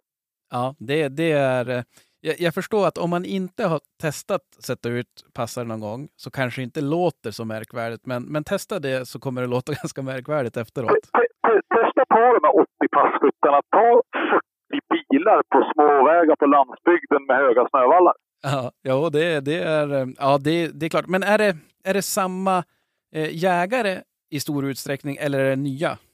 det är lite både och skulle jag vilja säga. Alltså, det känns lite som att, jag menar, det här är bara min lite magkänsla, men den här jägaren som skulle ställa upp för att vi ska utplåna vargen. Honom har vi nog frusit ut lite grann till förmån för de här som är lite mera hungriga på en bra jakt. Liksom. Sett att fan, okej, vi har inte kunnat jaga några älgar för det är fullt av varg här, men vad fan, då kan vi väl jaga vargar istället, för det kan ju bli bra jakt det också. Ja. Och, och den typen av jägare upplever jag som, som, eh, som eh, lite mera... Man märker av dem mera nu än tidigare. Ja, men jag kan tänka mig att en skillnad blir att istället för att någon, någon gör någonting för att de inom situationstänken måste eller för att man vill. Ja, men precis. Alltså, jag känner som de första vargjakterna var mer ett måste och mindre ett vill. Och nu är det lite tvärtom. Liksom. Ja. Och, och ja, men lite grann... eh, Ja, men du vet ju hur det är ett älglag. Du har ju köttgubbarna och så har du de som inte bryr sig ett dugg om köttet, bara blir ståndskall. Ja, ja, ja. ja. Och, och det är väl lite den, den förändringen som jag tycker man ser på skogen. Liksom så. Eh, och, och sen tror jag också att årets jakt så, så men, eh, vi har fått till var vi ska ha passkyttar någonstans på ett bra sätt. Alltså lite annorlunda upplägg. Absolut, på 60 passkyttar så kommer ju inte alla att se eller höra drevet med snöuppläggar liksom så. Men, men eh, det har gått i pass. Ja. Det är skjutet till passlinjerna. Ja. Ja. Och, och det är väl ett, ett väldigt bra tecken att det funkar. Ja, absolut. Och, och någonstans, det där, ibland dyker det där upp ju i, i älgskogen, det vet väl, hör du också säkert med att, ja men hur många, om alla älgar skjuts av en hundförare, ja men då börjar det Då knorras. blir det dålig stämning. Ja. Eh, Och jag menar, där är det ju också, är det, är det många på pass så är det ju bra att, att det, nu tycker ju inte jag, eftersom jag har hundar själv, så är det ju kul om hundföraren får kanske skjuta någon. Men ja, Jo, men så, så, så, så är det ju lite grann. Sen upplever de här grabbarna som vi har med oss nu som liksom nästan, de har skjutit en hel del själva genom åren ändå. Liksom, så. ja, så att de är jäkligt glada att det blir skjutet för hundarna. Det har till och med hänt att de släpper för att de vet att det kommer att gå där och där ja, ändå. Liksom. Så. Och, och, och, och det är ju, alltså, det, det bidrar till en rätt bra stämning och jag upplever att det bidrar till en bra stämning bland oss som håller på med hundarna också. ja, ja, men det kan jag tänka mig. Det, det, alltså, och, det, och det blir ju lite så liksom, jag menar, har du skjutit 20 älgar på ett par år liksom, då är det lite roligare om den där nya killen som aldrig har sett en älg får komma in på ståndskall och skjuta. Absolut, 100 procent. Där är det ju verkligen, de- delad glädje är ju mer än dubbel glädje. Ja. Och sen, sen då kombinationen med liksom att, att eh, ja, och det, det tycker jag man har sett här i år också. Vi, vi har väl inte haft smällkallt, men vi har väl haft en 15 minusgrader under några jaktdagar och sådär. Och det minskar väl lite på passkyttar, men inte skitmycket. Mm. I fjol när det var kallt, så då var det jättetomt på samlingen. ja, jo, det är klart. Det, där är väl också just det där då med att om man vill, det, det ser man ju själv i vilken, vilket jaktlag, var ni än jagar, alltså de som är mest intresserade bryr sig ju minst om kyla. Ja, ja, men precis. Och, och, och sen är det ju också, tror jag, att alltså, om du kommer på din första vargjaktsdag och så är det 20 minusgrader och så har du tracker, vi använder ju WeHunt och tracker hela tiden. Och liksom det är obligatoriskt att använda WeHunt och det är koder och grejer där. Och det innebär liksom att man lägger in den här koden i tracker och så publicerar vi hundarna till alla skyttar om man säger så. Då. Ja. Eh, och om du då ser att allting är som uppstyrt för att hundföraren ska skjuta och inte jag. Hur jädra kul är det att stå där och frysa nästa dag då? Nej, nej, det är klart. Det, det är också en faktor att man ser det. Och jag menar som nu att ni var ganska... Alltså det har gått bra om man ser att det händer grejer. Hade man stått och mala på där och säga ja, men, eh, nu är det tionde dagen och vi har inte, jag har inte hört ett Ja. hundskall. Det är klart, då, då svalnar Ja, nog mångas då, intresse. Då blir det ju lite, lite tråkigt. Liksom. Så sen är det klart att, att eh, det här är ju, menar, det är ju en jakt där man spårar. Eh, så att vi jagar ju inte om vi inte har ett spår att släppa på. Nej, nej. Eh, jag menar, jag, jagar du älg så kan du ju gå tomt i ett område. Liksom så. Ja. Eh, sen kan det ju gå åt helsike med, med det här också. Och, och sådär. Och, och det har vi väl, om man ser som till år, vi har, det, är ju, det är ju färre vargjakter. Så det är klart att vi har knutit till oss ett gäng väldigt rutinerade hundförare med bra hundar. Ja. Det tycker jag också. Vi har inte, ja, bortsett den här lilla griskontroversen, men där hade vi varg med från början. Det var bara att det hamnade ibland en massa, eller några grisar. Ja. Det är fel att säga en massa, för det var det inte. Och så där. Men annars så har de ju verkligen hållit spår. Det, det, alltså det har blivit bra upptag. De har skött sig liksom klockrent. Ja. Så, att, så att på så vis så det borgar ju lite för också att får hundarna upp vargen på benen så ja, då har många väldigt bra chanser. Ja, ja men det, och det är alla som jagar eller har jagat med en hund vet väl att jaga med bra hundar är mycket roligare än att jaga med Men mindre att bra. jaga med, med dåliga ja. ja, så Jo, att det, det är ju det- det är nästan en annan sport på något sätt. och, och så blir det ju lite granna, eh, alltså det är ju, menar det är klart att våra hundförare har yngre hundar, alltså de har ju också ett liv, hundarna liksom, och, och dör. Men, eh, men eh, de satsar ju liksom inte kanske... Det är ju, det är ju inte så att vi ställer ut 60 passkyttar och hundföraren säger är det okej om jag tar valpen idag för att prova om den funkar. Nej, men det är ju det där balansen att, att hela tiden både säkra återväxten men inte att Ja. göra det så att folk eh, tröttnar på det så att säga. Nej, nej men och då, där är det ju tacksamt för varje. Vi får använda tre hundar. Och vi försöker att alltid ha med någon ung hund i det i ja, på jakten. Liksom. Ja. Så att vi har två rutinerade och, och en tredje ung hund om det är möjligt. Ja, ja, men det är ju jäkligt smart med tanke på att det är så pass lite möjligheter för hundarna att, att jaga varg. Precis, precis. Så att, de, så att, nej, så det tycker jag att det är. Men och det har också flyttat på väldigt bra liksom. De växlar, det är olika unghundar på olika drev och sådär. Och det är väl för alla hundar vi har haft med oss, bortsett de allra yngsta då, som egentligen bara är med lite lära. på ett hörn. De har inte släppts i löperna. Nej. Eh, Men annars är det, det är liksom, vi har växlat, eh, växlat från, ja men jag ska säga från dag till dag, för någon dag hade vi ju olika drev liksom, och då var det olika hundar. Ja. Och, och olika konstellationer. Och, det, och, och vad som är roligt är också att vi har släppt olika, och, alltså hundar som inte har jagat i lag förut har vi släppt varandra och det har funkat bra det med. Ja, nej, men det, och det där är ju också en, en viktig aspekt att, att hela tiden få fram bra hundar. Och att, eh, för jag menar, många gånger när man pratar med, med folk som jagar björn med sina hundar och att man säger ja det är, det är intensivt för björnsäsongen är kort. Och jag menar jämför med det här. Det skjuts ju ändå faktiskt Precis. ganska många fler björnar än 36. Ja men precis, jag menar efter en vecka nu så återstår väl bara, vad är det, sex, sju vargar nu. Ja, sju kanske. Eh, och, och det är ju, jag menar hela, hela säsongen är över på tio dagar. ja jo, det, det, själv gnäller man för att man har tre månader att jaga.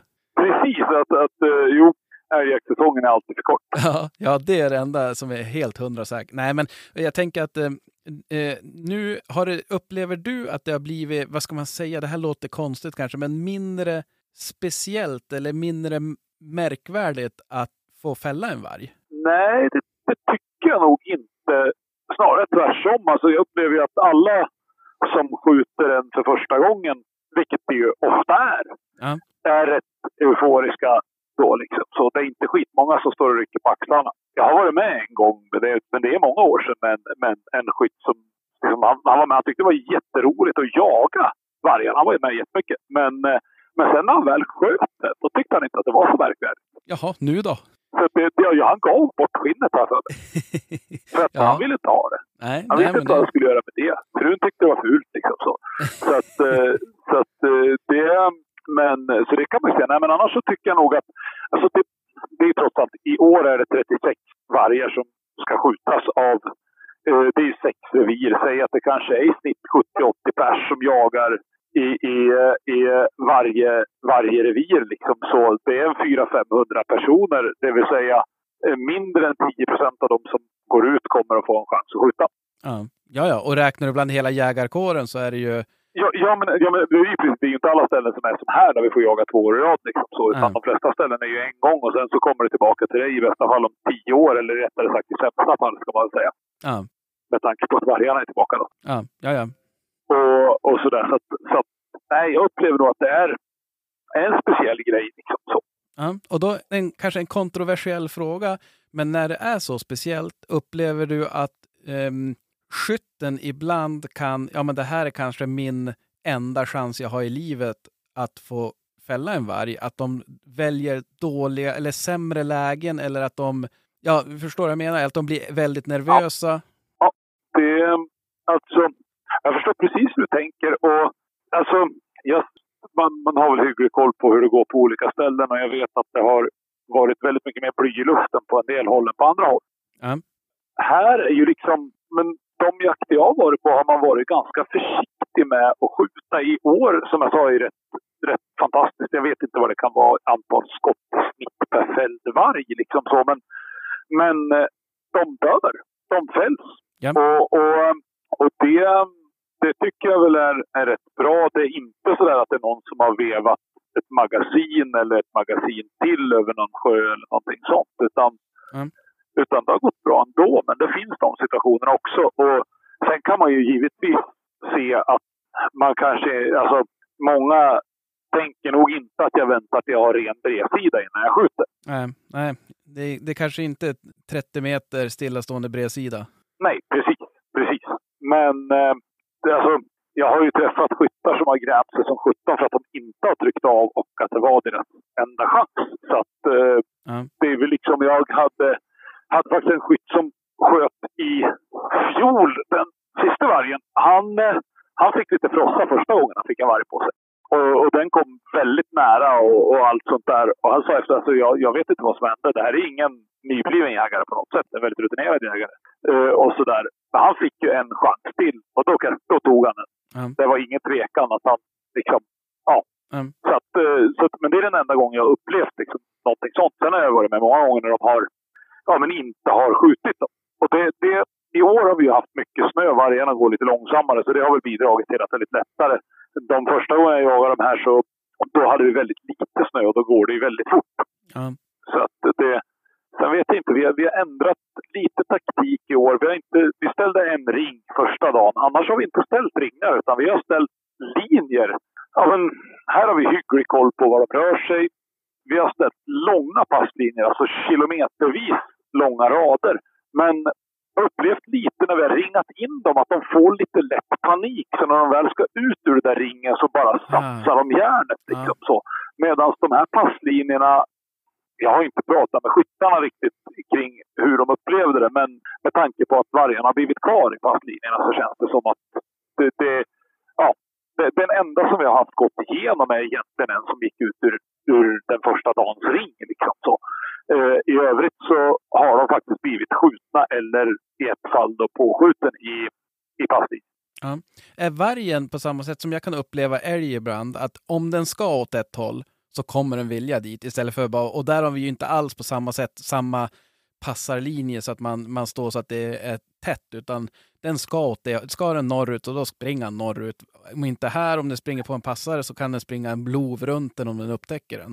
Eh, Ja, men alltså nå- nog... eh, Vargen är mycket mer upp, uppmärksam än ett klövvilt. Liksom så. Väldigt mycket mer kontroll på var den tar vägen än ett klövvilt. Ja.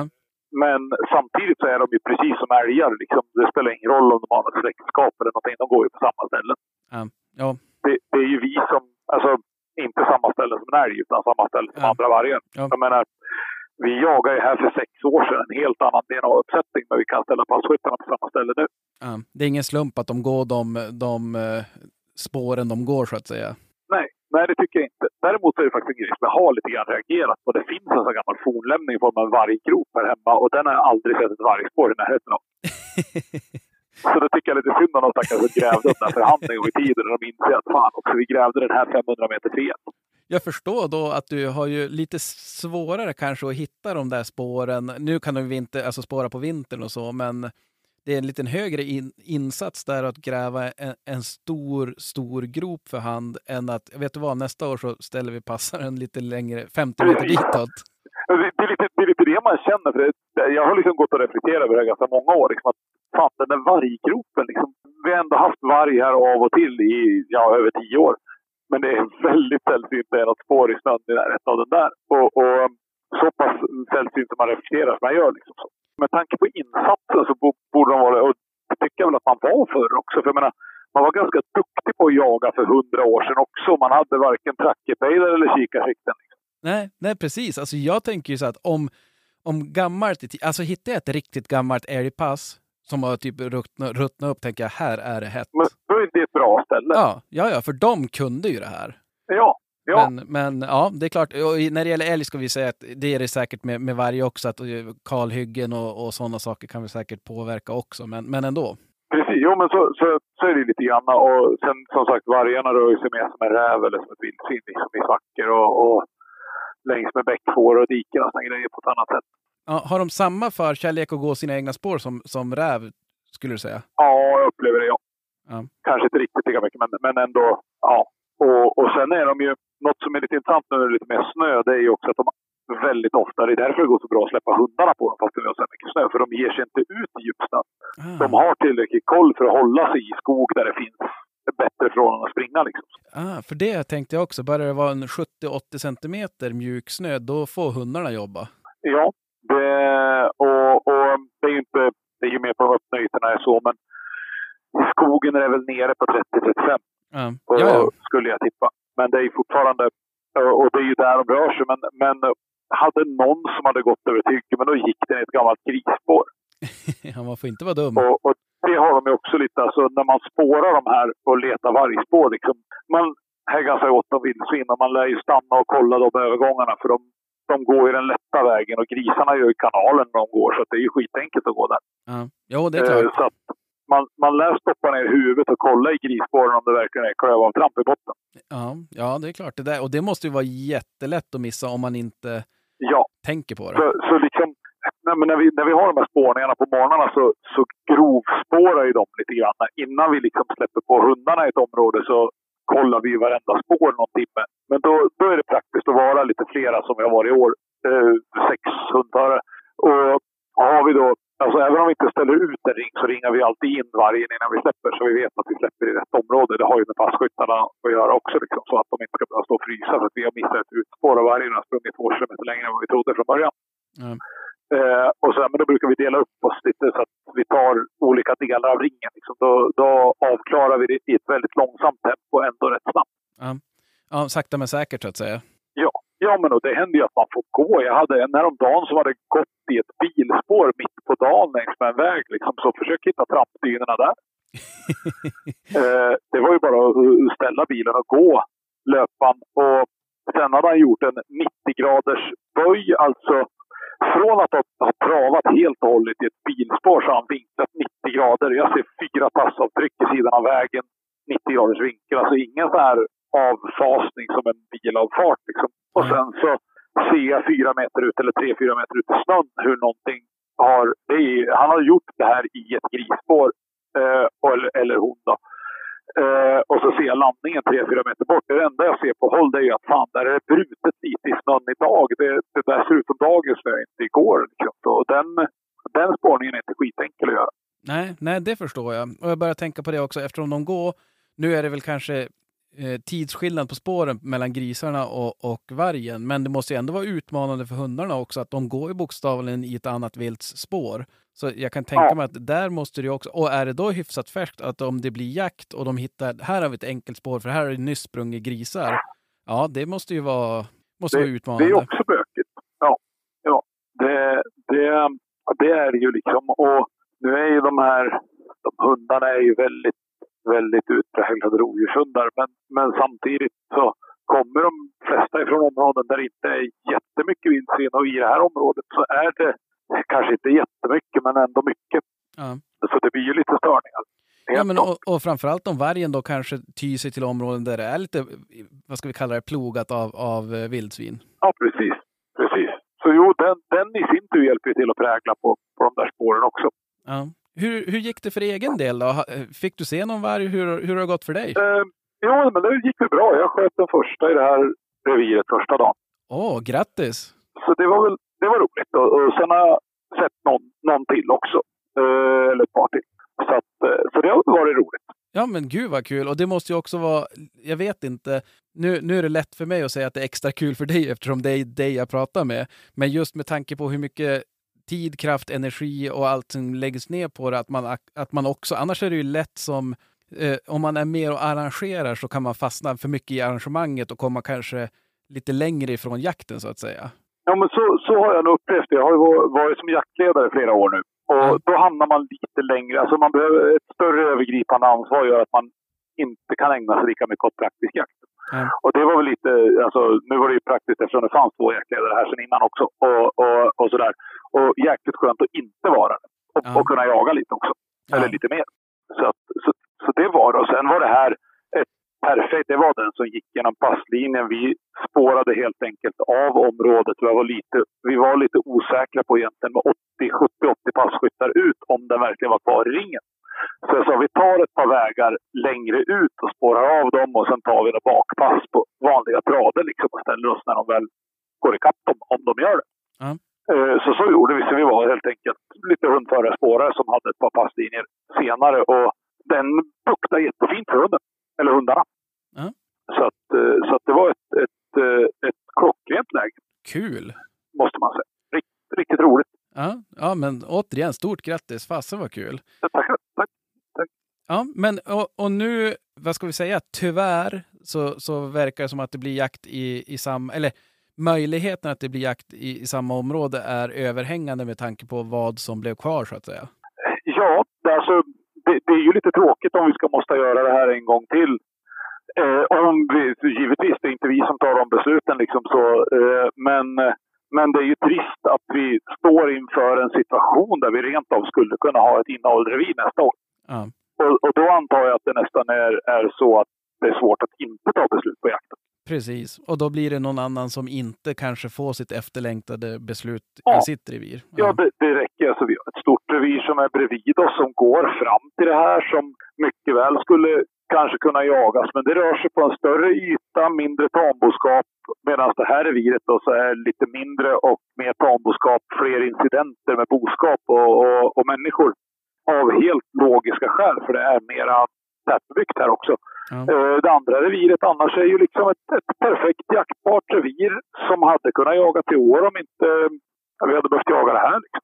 Ja, ja det är klart. Det, Om man det, bara ser, ser som en jämförelse. Så det är ju liksom jaktgrannar till oss. Och hade de fått jaga det reviret i år medan vi hade haft tomt här, då hade vi liksom...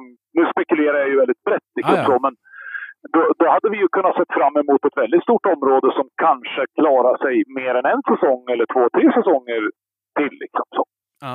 Så att, så att se, ser man det liksom med lite, lite perspektiv och lite om och kanske så, så finns det ju väldigt mycket incitament till att återgå gå till där vi var i början. Liksom att att eh, skjuta tomt och inte skjuta sex stycken eller sju stycken eller nio stycken. Liksom, utan, utan tomt. Och sen, sen jag menar, om, om, eh, om Länsstyrelsen är med hela tiden då och de eh, i det här i fallet med oss, så det var väl någon dag som de kanske inte var ute fullt ut i fält. Men, men annars så fältarbetar ju de i närheten och spårar reviren runt omkring framför allt och säkrar att de kanske inte är i det här området just då. Ja. Och, och det är väl skitbra att de gör det. ja, ja, ja. Vi, hade, vi hade grannreviret första dagen inom en kilometer från gränsen till det här området. Hela en, en, en grupp på fem i alla fall tror jag. ja. Och hur funkar det då? Om, om Länsstyrelsen ser det, oj, nu kommer de här in, grannreviret kommer in, då, då meddelar de eh, jaktledaren att nu får ni lugna er här. Jag har inte varit med om att man har gjort det och, och sådär liksom så. Utan jag tror att det där är lite olika från, från länsstyrelse till länsstyrelse hur man agerar liksom så. Men i de här områdena så upplever jag det som att vi har en väldigt bra dialog med Länsstyrelsen i så stor utsträckning som man kan. Det finns väl givetvis riktlinjer för att de, de får ju inte förse oss med material kanske som gör att vi kan ringa in vargar. Men, men, eh, men eh, jag upplever heller inte att de skulle mörka för oss att det är så. Och, och i det här fallet då som sagt, alltså, de merparten av de vargar vi planerade att jaga rörde sig också uppe i det här gränsområdet. Så att, eh, under tisdagen där någonstans, eller om det var onsdag, jag minns inte exakt. Så då hade vi liksom tio vargar inom någon kilometer från varandra Ja, ja det är som klart. var Det. två olika revir. Och, och, och det är klart att det är en utmaning även för Länsstyrelsen, för de vill ju inte heller att vi ska skjuta fel vargar. Och visst, absolut så i en perfekt värld, ur min synvinkel som, som jägare, så hade vi skjutit alfaparet i det här reviret, lyckats få in alfaparet ur andra och klippt dem också. Sen hade vi då hade vi i alla fall kanske inte löst upp något av reviren, men vi hade skapat en väldans turbulens i dem. Ja. Eh, Men, eh, men det är klart att det, syftet är ju inte riktigt sådant. Nej, nej, nej, det är möjligt. Eh, Det, det är möjligt och, och det är väl det man måste komma ihåg, att vi går in med, med kanske lite olika målbilder i det. Precis, precis. Och, och det där är ju, men där tror jag ju liksom att det är viktigt att myndigheterna förmedlar, alltså det gäller ju att myndigheten som sådan har någon form av trovärdighet i sitt agerande. De också liksom, alltså, ja men om ni ger fan i att skjuta på, på grannrevirets vargar så, så kan vi se det som att ni åtminstone har en 50-procentig chans att få jakt på dem nästa år istället. Liksom så. Ja. Medan om ni är där och kladdar nu så kommer ni inte ha en familjegrupp och då har ni 0 procent chans. Liksom. Ja, nej men så Eh, är det ju. Men det, det handlar, väl, handlar ju lite om myndighetsförtroende och, och sådär. Och, och det verkar ju skilja sig ganska mycket både kring vilken dialog man har från början men också eh, kring agerandet fram och tillbaka. Liksom så. Och, och, och jag kan väl uppleva genom åren, jag har hunnit med ganska många besiktningar, i alla fall mellan 15 och 20 vid det här laget. Och, och eh, det är ju från, från besiktningsmän från åtminstone tre eller fyra olika länsstyrelser. Man blir olika bemött olika gånger, liksom eh, både, både i form av eh, det auktoritära man möts av. Ibland är det väldigt avslappnat, ibland kan det vara nästan lite tryckt stämning. Liksom så. Sen Mm. givetvis så förstår jag om Länsstyrelsen kommer ut till en skottplats eller en skottplatsbesiktning och så har det inte tänkt till ordentligt och det har gått fram andra och kollat på den döda vargen och då har man helt plötsligt också kontaminerat hela skottplatsen. Då, då kan jag köpa lite dålig stämning. Liksom så. Det, det står tydligt att så inte ska få hända Nej, nej, absolut. i våra det, beslut. det, det, det kan ju jag också köpa. Att, har, vi kommit överens om att på en skottplats ska ingen vara förrän vi har varit där. Ja, men då, då, om man inte håller det, då har man ju liksom på något sätt eh, brytit avtalet man hade, eller vad man ska kalla Ja, det. ja men li, lite så är det. Sen är det ju så att eh, alltså, det står ju också i, eh, i beslutet att du som deltar vid varje jakt ska ha läst de första sju sidorna av det här beslutet. Resterande sidor kan du väl lugna igenom, eller, eller typ du ska kunna de första sju sidorna. Mm. Där står en del väsentligt material. Exempelvis så får du ju inte ett, ett jaktlag, om man nu uttrycker sig så, får inte skjuta på frisk varg om inte skadad varg är konstaterat död. Mm. Och det, det där kan vara bra att ha med sig, liksom, framförallt när vi har ställt de här linjerna som vi har. Vi hade en passkytt i onsdags då. Han släppte en varg för att en kort stund så var det avlyst när det var påskjutning innan den vart ihjälskjuten. Och, och det han komma förbi, han hade skjutit en varg, men han kom förbi en till. Uh, och de kom ju på bred front vargarna. Det smäller liksom, jag menar, en passlinje som är som i det fallet kan det nog ha varit fem kilometer mellan ytterändarna. Liksom, så. Och upplega och snö. Liksom. Du hör ju inte en ljuddämparsmäll som kommer från den ena ändan. Det är alls inte säkert att kommunikationsradion når hela vägen fram. Nej.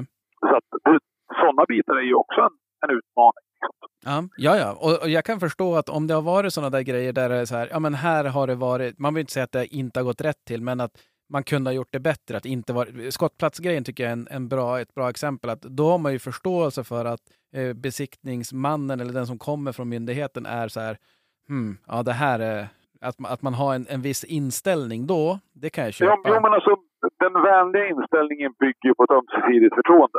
Precis. Men annars, när det inte har varit så, har det varit bra bemötande då? Eller kan du ibland ana en viss, eh, eh, vad ska man säga, underliggande inställning till vargjakten överlag?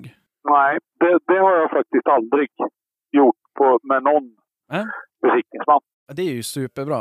Inte till, inte till vargjakten. Och jag, jag upplever väl liksom alltså, jag har fått några tillrättavisningar angående skottplatser några gånger och med, och med all rätt. Liksom så, kan jag tycka. Sen är det liksom, just när det händer, det, ja, men som sagt jag har gjort många besiktningar så det är inte, inte lika allvarligt kanske. Råkar du ut för det under din första besiktning, då, då kan jag tänka mig att man kan tycka att det är lite jobbigt. Men, eh, men det, det är ju å andra sidan inte så konstigt för det är en, en hyggligt allvarlig tillrättavisning. Ja, ja men och det ska man väl ta på allvar, alltså på så vis. Att Ja. det, det är ju, det är Ja. ju inte mer än rätt. Precis. Så att, eh, nej, men där, däremot liksom så upplever jag alltid att det är väldigt professionellt. Liksom, eh, eh, absolut, så nästan varje år vid någon besiktning så är det ju med praktikanter som är, jag ska inte kalla dem praktikanter, det är ju vanlig länsstyrelsepersonal som inte har gjort någon besiktning förut och behöver lära sig. Liksom så. Mm. Och så där, och, och det tar lite längre tid och sådär. Men, men, eh, men eh, det är ändå väldigt professionellt utfört, väldigt systematiskt gjort.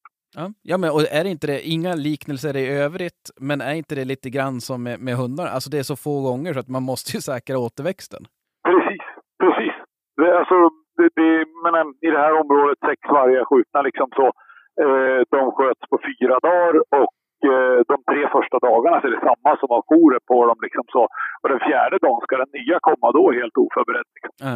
Nej, det, det är klart. Det, Och, och det är det, ju alls inte ens säkert att det här länet har en jakt nästa år. Nej, nej, precis.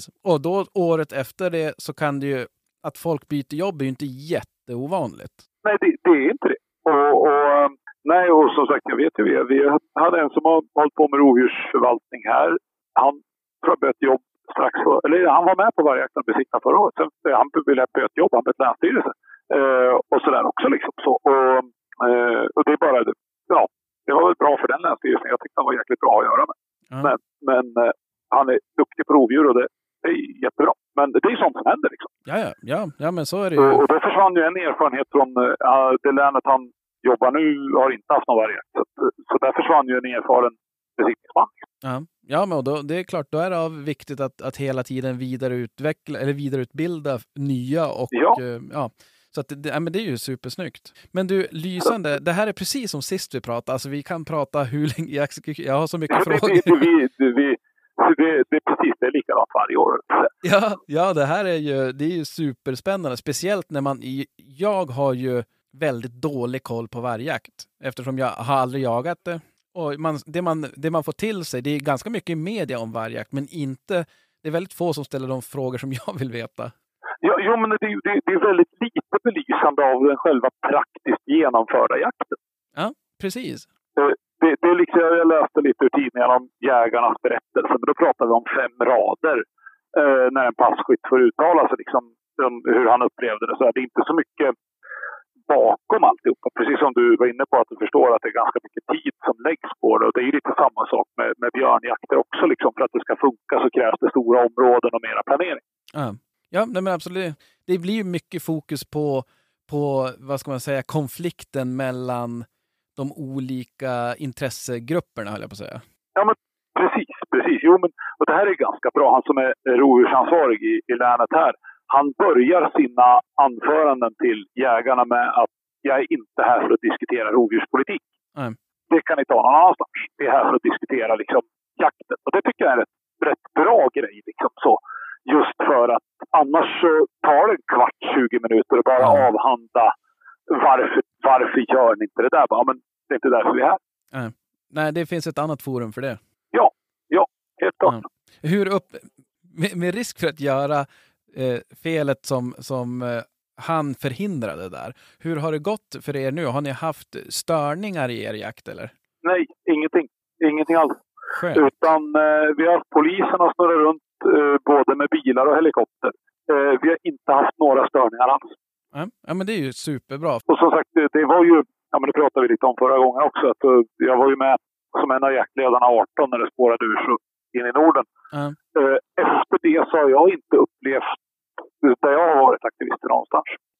Ja, men det är bra. Och det är inte, alltså alla får tycka vad de vill, men hur man, hur man, eh, vad ska man säga, uttrycker sitt tyckande ska ju följa lagen. Så det är det jag menar. Alltså att jag har inga problem. Man får tycka precis hur mycket som Ja, men- ja, men helst jag, om jag en tycker varg. du formulerar det väldigt, väldigt vettigt där. Liksom. Alltså, eh, jag, jag har inte, inte särskilt höga tankar om, om de som eh, uttrycker sig extremt mot det jag gör heller. Hade de kunnat uttrycka sig sakligt hade jag kunnat respektera det i viss mån. Liksom så. Men det är som du säger, man behöver inte gå till olagligheter för att visa sitt missnöje med vad de tycker. Nej, nej, det är ju... Och det är skönt. Och vi ska inte fastna i det, för jag, jag kan ju ibland tycka att de får för mycket publicitet. Ja, men det, det, det håller jag med om. Och vi, vi pratade lite kort om det där internt häromdagen. Just att det känns som att, att eh, de, de har också spelat ut sin roll lite grann. Ja, De, de fick sin följarskala där för fem sex år sedan. De fick sina minuter i tv och allt det där. Liksom så. Men, men det tycks inte, tycks inte vara någon som är så här superintresserad längre. För att det, de lyckas inte piska upp någonting. nej, nej, och det finns säkert e, eh, enstaka individer som, som fortfarande kan vara väldigt obehagliga. Jag såg att Daniel Ligné har... har Ja, jag, jag tänkte just på honom när Ja. du sa det. Att han, han hade Säpo-skydd nu såg jag. Och det, ja. det tycker jag ju liksom är lite lätt för jävligt också. Ja, det är Eh. helt sjukt att det, att det ska behöva hamna där. Alltså det är ju helt... och Att de hade varit på, på ungarnas skola och sånt. Och, och det... Ja, jag vet, jag ska inte... Jag blir alldeles arg när jag tänker på Nej, det. men och, och, och, och liksom alltså, jag har inte kollat skitmycket på, på debatterna som Daniel har, har liksom, alltså, ja, vad ska man säga, som ligger i grund i det här. Men han brukar vara väldigt saklig i det här. Liksom så. Och, och att, att då vara saklig men ändå föra fram sin talan måste väl ändå tillhöra ett modernt demokratiskt samhälle att få göra utan att man ska behöva ha, ha skyddad identitet och, och bevakna Säkerhetspolisen. Ja, absolut. Alltså det där är ju... Är det någonting som, som, som jag upplever Daniel Linné så är det ju att han är ju väldigt saklig och påläst och alltså han är ju inte ytterligheterna där det är väldigt mycket magkänsla eller sådana saker utan han, han har ju ofta, vad jag upplever, väldigt fog för det han säger. Vare sig det, det Ja. pratar om älgstammar eller skarvar eller vargar. Ja, nej, men och där, det är som sagt att ha, han har ju liksom, stöd i ja, forskning, underlag liksom så. Och, och sen som sagt att man inte tycker likadant. Det, det förstår jag också. Om man vill värna vargen så tycker man väl inte att det är bra när Daniel kommer med understöd i att vi inte ska ha fler vargar. Nej, nej, nej. nej. Eh, och sådär liksom. Och, och man kan säkert i stridens hetta häva ur sig lite glåpord liksom så, men jag tycker väl ändå att det måste få stanna där. Ja, och det, det där, nu med risk för att komma ifrån ämnet, men det, de här, eh, jag vet faktiskt inte riktigt vad de protesterar mot, men någonting är, de sätter sig på vägar och de förstör. Ja, jo, men det precis. Det är de här våtmarksmänniskorna som klistrar fast sig lite här och där. Ja, och, och jag har aldrig förstått det. Snacka om att få alla emot sig. Ja men, ja, men verkligen. Liksom. Och, och jag antar, alltså, om jag, jag har inte heller läst på det mer än att jag antar att de typ vill återskapa våtmarker, det vill säga det vi dikade ur för att kunna odla eller få skogen att växa för 50 eller 100 år sedan tycker de att vi ska lägga igen igen. Liksom Ja. Eh, och, och, och, och visst, det är klart att en del våtmarker binder kol och, och koldioxid och allt vad de nu eller fosfor framförallt.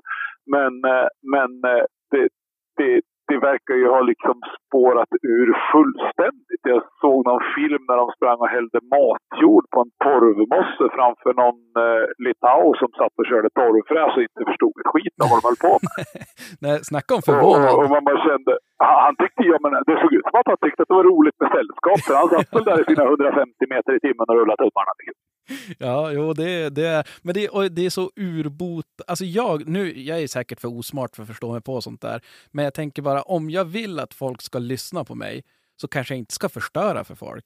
För då blir ju folk bara Nej, men förbannade. alltså, det, det känns som att limma fast det på Essingeleden är inte den optimala lösningen. Liksom. Nej, nej, alltså det, det är så dumt så att det... Men, men, men man är ju bara eh, en enkel arbetare så man förstås väl inte på sådana där avancerade taktiska drag. Nej, nej det, det känns som att det är någon som har haft väldigt mycket tid med sig själv att fundera ut de där dragen på något sätt. Ja, eller, eller kom över ett parti billigt superlim.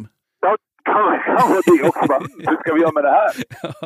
ja, ja, ja, nu kommer vi lite grann ifrån ämnet här. Men, men vi ska börja avsluta också. Det, var, det är som Ja. vanligt väldigt, väldigt intressant och lärorikt att, att ringa och störa dig. Ja. Så att det, Ja. det kommer vi eh, med, med största Du får ju blocka mitt nummer för annars kommer vi ringa Ja, flera jo, gånger. ja, men det, det hade jag ju gjort, men så tänkte jag att nej, jag får vara lite schysst ja, det, det, det uppskattar vi verkligen. Stort tack för att du var med och surra lite om, om eh, ett hett ämne, vargjakt. Ja, ja, men det var kul att få vara med. Ja, och eh, får vi hoppas att det blir en, en hyfsad älgjakt här nu också nästa år, även fast det finns vissa farhågor för att det kanske blir lite... Ja, jo, jo men vi tänker att vi ska spara båda älgarna i det här området, så kanske det blir en tredje också. Ja, ja men du, jag ringer dig imorgon igen och så pratar vi älg, hör jag. Ja, precis. Det låter jättebra. Ja, men du, det blir ett väldigt kort samtal. Nej, jag vi hinner prata om båda individerna. Ja, precis. Vi kan prata om det på individnivå. Ja, nej men du, stort tack David. Ja, vi, vi uppskattar det verkligen och eh, ha en fortsatt fin kväll. Tack detsamma. Detsamma. Tack, tack. Hej då! Hej då, hej då.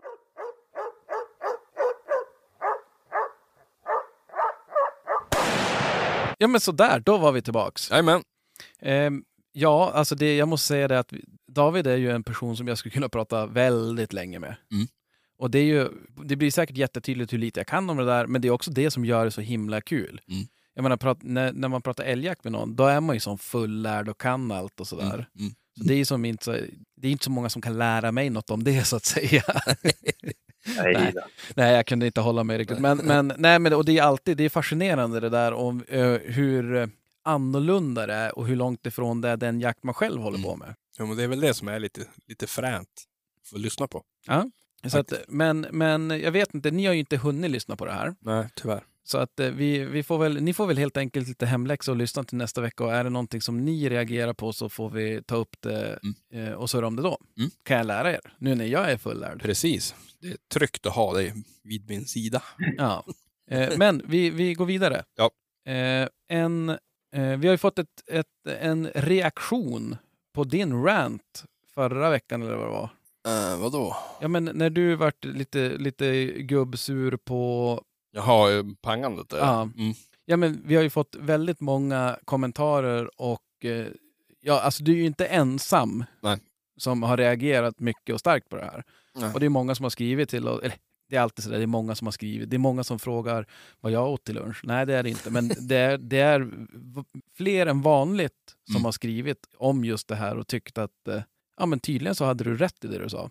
Mm. Man får vara lite gubbsur ibland, det är som skönt. Ja, jo men det är ju, och det, det är ju som så ovanligt bara att se dig, för du är ju som, så ung. Jo, jag menar det. Men det, det, men det är ändå ganska skönt när man, när man blir sådär. Jag vart ju tvärless när jag läste det. Jag tänkte Ja. det är helt omöjligt. Och så vet man att det kanske inte var så dum reaktion ändå. Nej, nej. Har ni och, och lite mer eh, avsnittsfeedback? Eh, det, det är ju några stycken som har gått 100 prov. Ja, jag såg det. Och jag har ju skrivit till dem, jag bara, nej men det där stämmer inte för det där, eh, i min värld så hämtar jag Hitta älghund datan från Krille. Ja. Så att om Krille säger att det, då är det, nej, Då är det som det är. precis, Men det var väl, oj, det var väl någon, eh, vad hette hon, Messi? Var det det? precis. Mm. Och eh, ja, eh, nu, det här är ju de som har skrivit i våran älgjägare emellan surr Mm. på vår grupp på Facebook. Mm. Och där är det ju några som har lyft eh, några exempel. Det är ju eh, en karelare. Nu skulle vi haft Krille här som läste det här för han kan ju uttala det här perfekt. Ja, det var det konstiga namnet. Ja, Ja. Det, det är någonting med, med korven, Messi. QH-korven, Messi. Och det var ju faktiskt, eh, ja, det, det, det är ganska imponerande. Ja, det är jävligt. Jag vet inte hur många, jag har inte suttit och räknat här, men det är ju liksom 95, 97, 96, 100. En Eh, riktig hund. Ja, det där, det där var nog inte så dumt. Nej. Eh, nu är ju, hon, hon, har ju vandrat vidare. Det måste hon ju ha gjort. Men ja, nej, det är ju det är såklart, det är ju jäkligt imponerande och det var lite fler kommentarer där också om fler hundar som har eh, gått eh, väldigt eh, bra. 100 poängsprov. Precis. Men det är bara att krypa till kors och säga att vi hade inte helt rätt där. Vi trodde att det var bara en. Ja, ja, ja. Nej, Ja. men och det är ju Billsbergets Sven-Åke är ju en, eh, en gråhund som också hade gått eh, 100 prov. Jag tror inte. Nej, nej där Nej, jag överklagar mycket. Precis. Ja. Nej, så det, det, det är ju jäkligt imponerande. Mycket, mycket. Och det som är så himla kul det är att eh, nästa år så kommer det vara två till hundar. Eller tre blir det ju. Krille med två stycken och du med en. 100 poängsprov. Ja, Jo, jag har det som målsättning, men jag tror Krille kom dit fortare än jag. ja, ja. ja, ja. Jo, men det är, inte, det är inte en tävling på så vis. Nej, okej. Så att, eh, ja, hade vi något mer som vi ska hushållning att göra med frågor eller något sånt där som har dykt upp? Eh, Jag tror inte det va? Eh, jo, det har vi. vi? Eh, vi, har, eh, vi har utlyst en tävling om några bössor Ja. och eh, det är på gång, som allt annat. Nej, men jag ska lägga ut några bilder. Jag har fått skickat nu bilder på dem där. Eh, jag ska försöka jaga rätt på dem, för vi har ju några eh, trådar vi kan dra i kanske för att se om vi kan hotta upp dem där. Precis. Eh, så att det, den är inte bortglömd och är det så att vi kan reposta inlägget också om man hör det här nu och har missat det så att man kan vara med i, ja men helt enkelt i utlottningen. Precis. Eh, och sen har ju runda två i våran Jag kallar på dig tävling Ja. avslutats. Mm. Och eh, ja, där vann ju bidrag ett. Bidrag ett ja. Nu kommer vi att utlysa en ny och det kommer fortsätta så här. Sen, sen blir det ju som semifinal och sen blir det final. Mm. Eh, så det är bara in och rösta och vi gratulerar vinnarna hittills. Mm. Och in och rösta, gå in i vår Facebookgrupp Älgjägare Mellansurr. Mm. Eh, och skickar ni eh, vänförfrågningar så har vi får ganska mycket vänförfrågningar fortfarande, men vi kan inte ha fler vänner. Nej. Så där rekommenderar vi ju den här gruppen alternativt eh, Insta. Instagram. Ja. Mm. Då var vi nog klara. Nu ska jag hem och duscha och så ska jag gå och lägga mig. Det är dags att, att knoppa snart här nu. Jag tyckte. Men vi tackar er som har lyssnat, Jajamän. så hörs vi nästa vecka. Det gör vi. Yes, ha det gott! Hej. Jag hörde hund som skällde gäst En Rune Smugfoss, där var väst och jag stod kvar på post på Säterbrua Han svor och grumta som en gris. Det var för mycket busk och ris. Det enda som han såg var halve kua. Halve kua.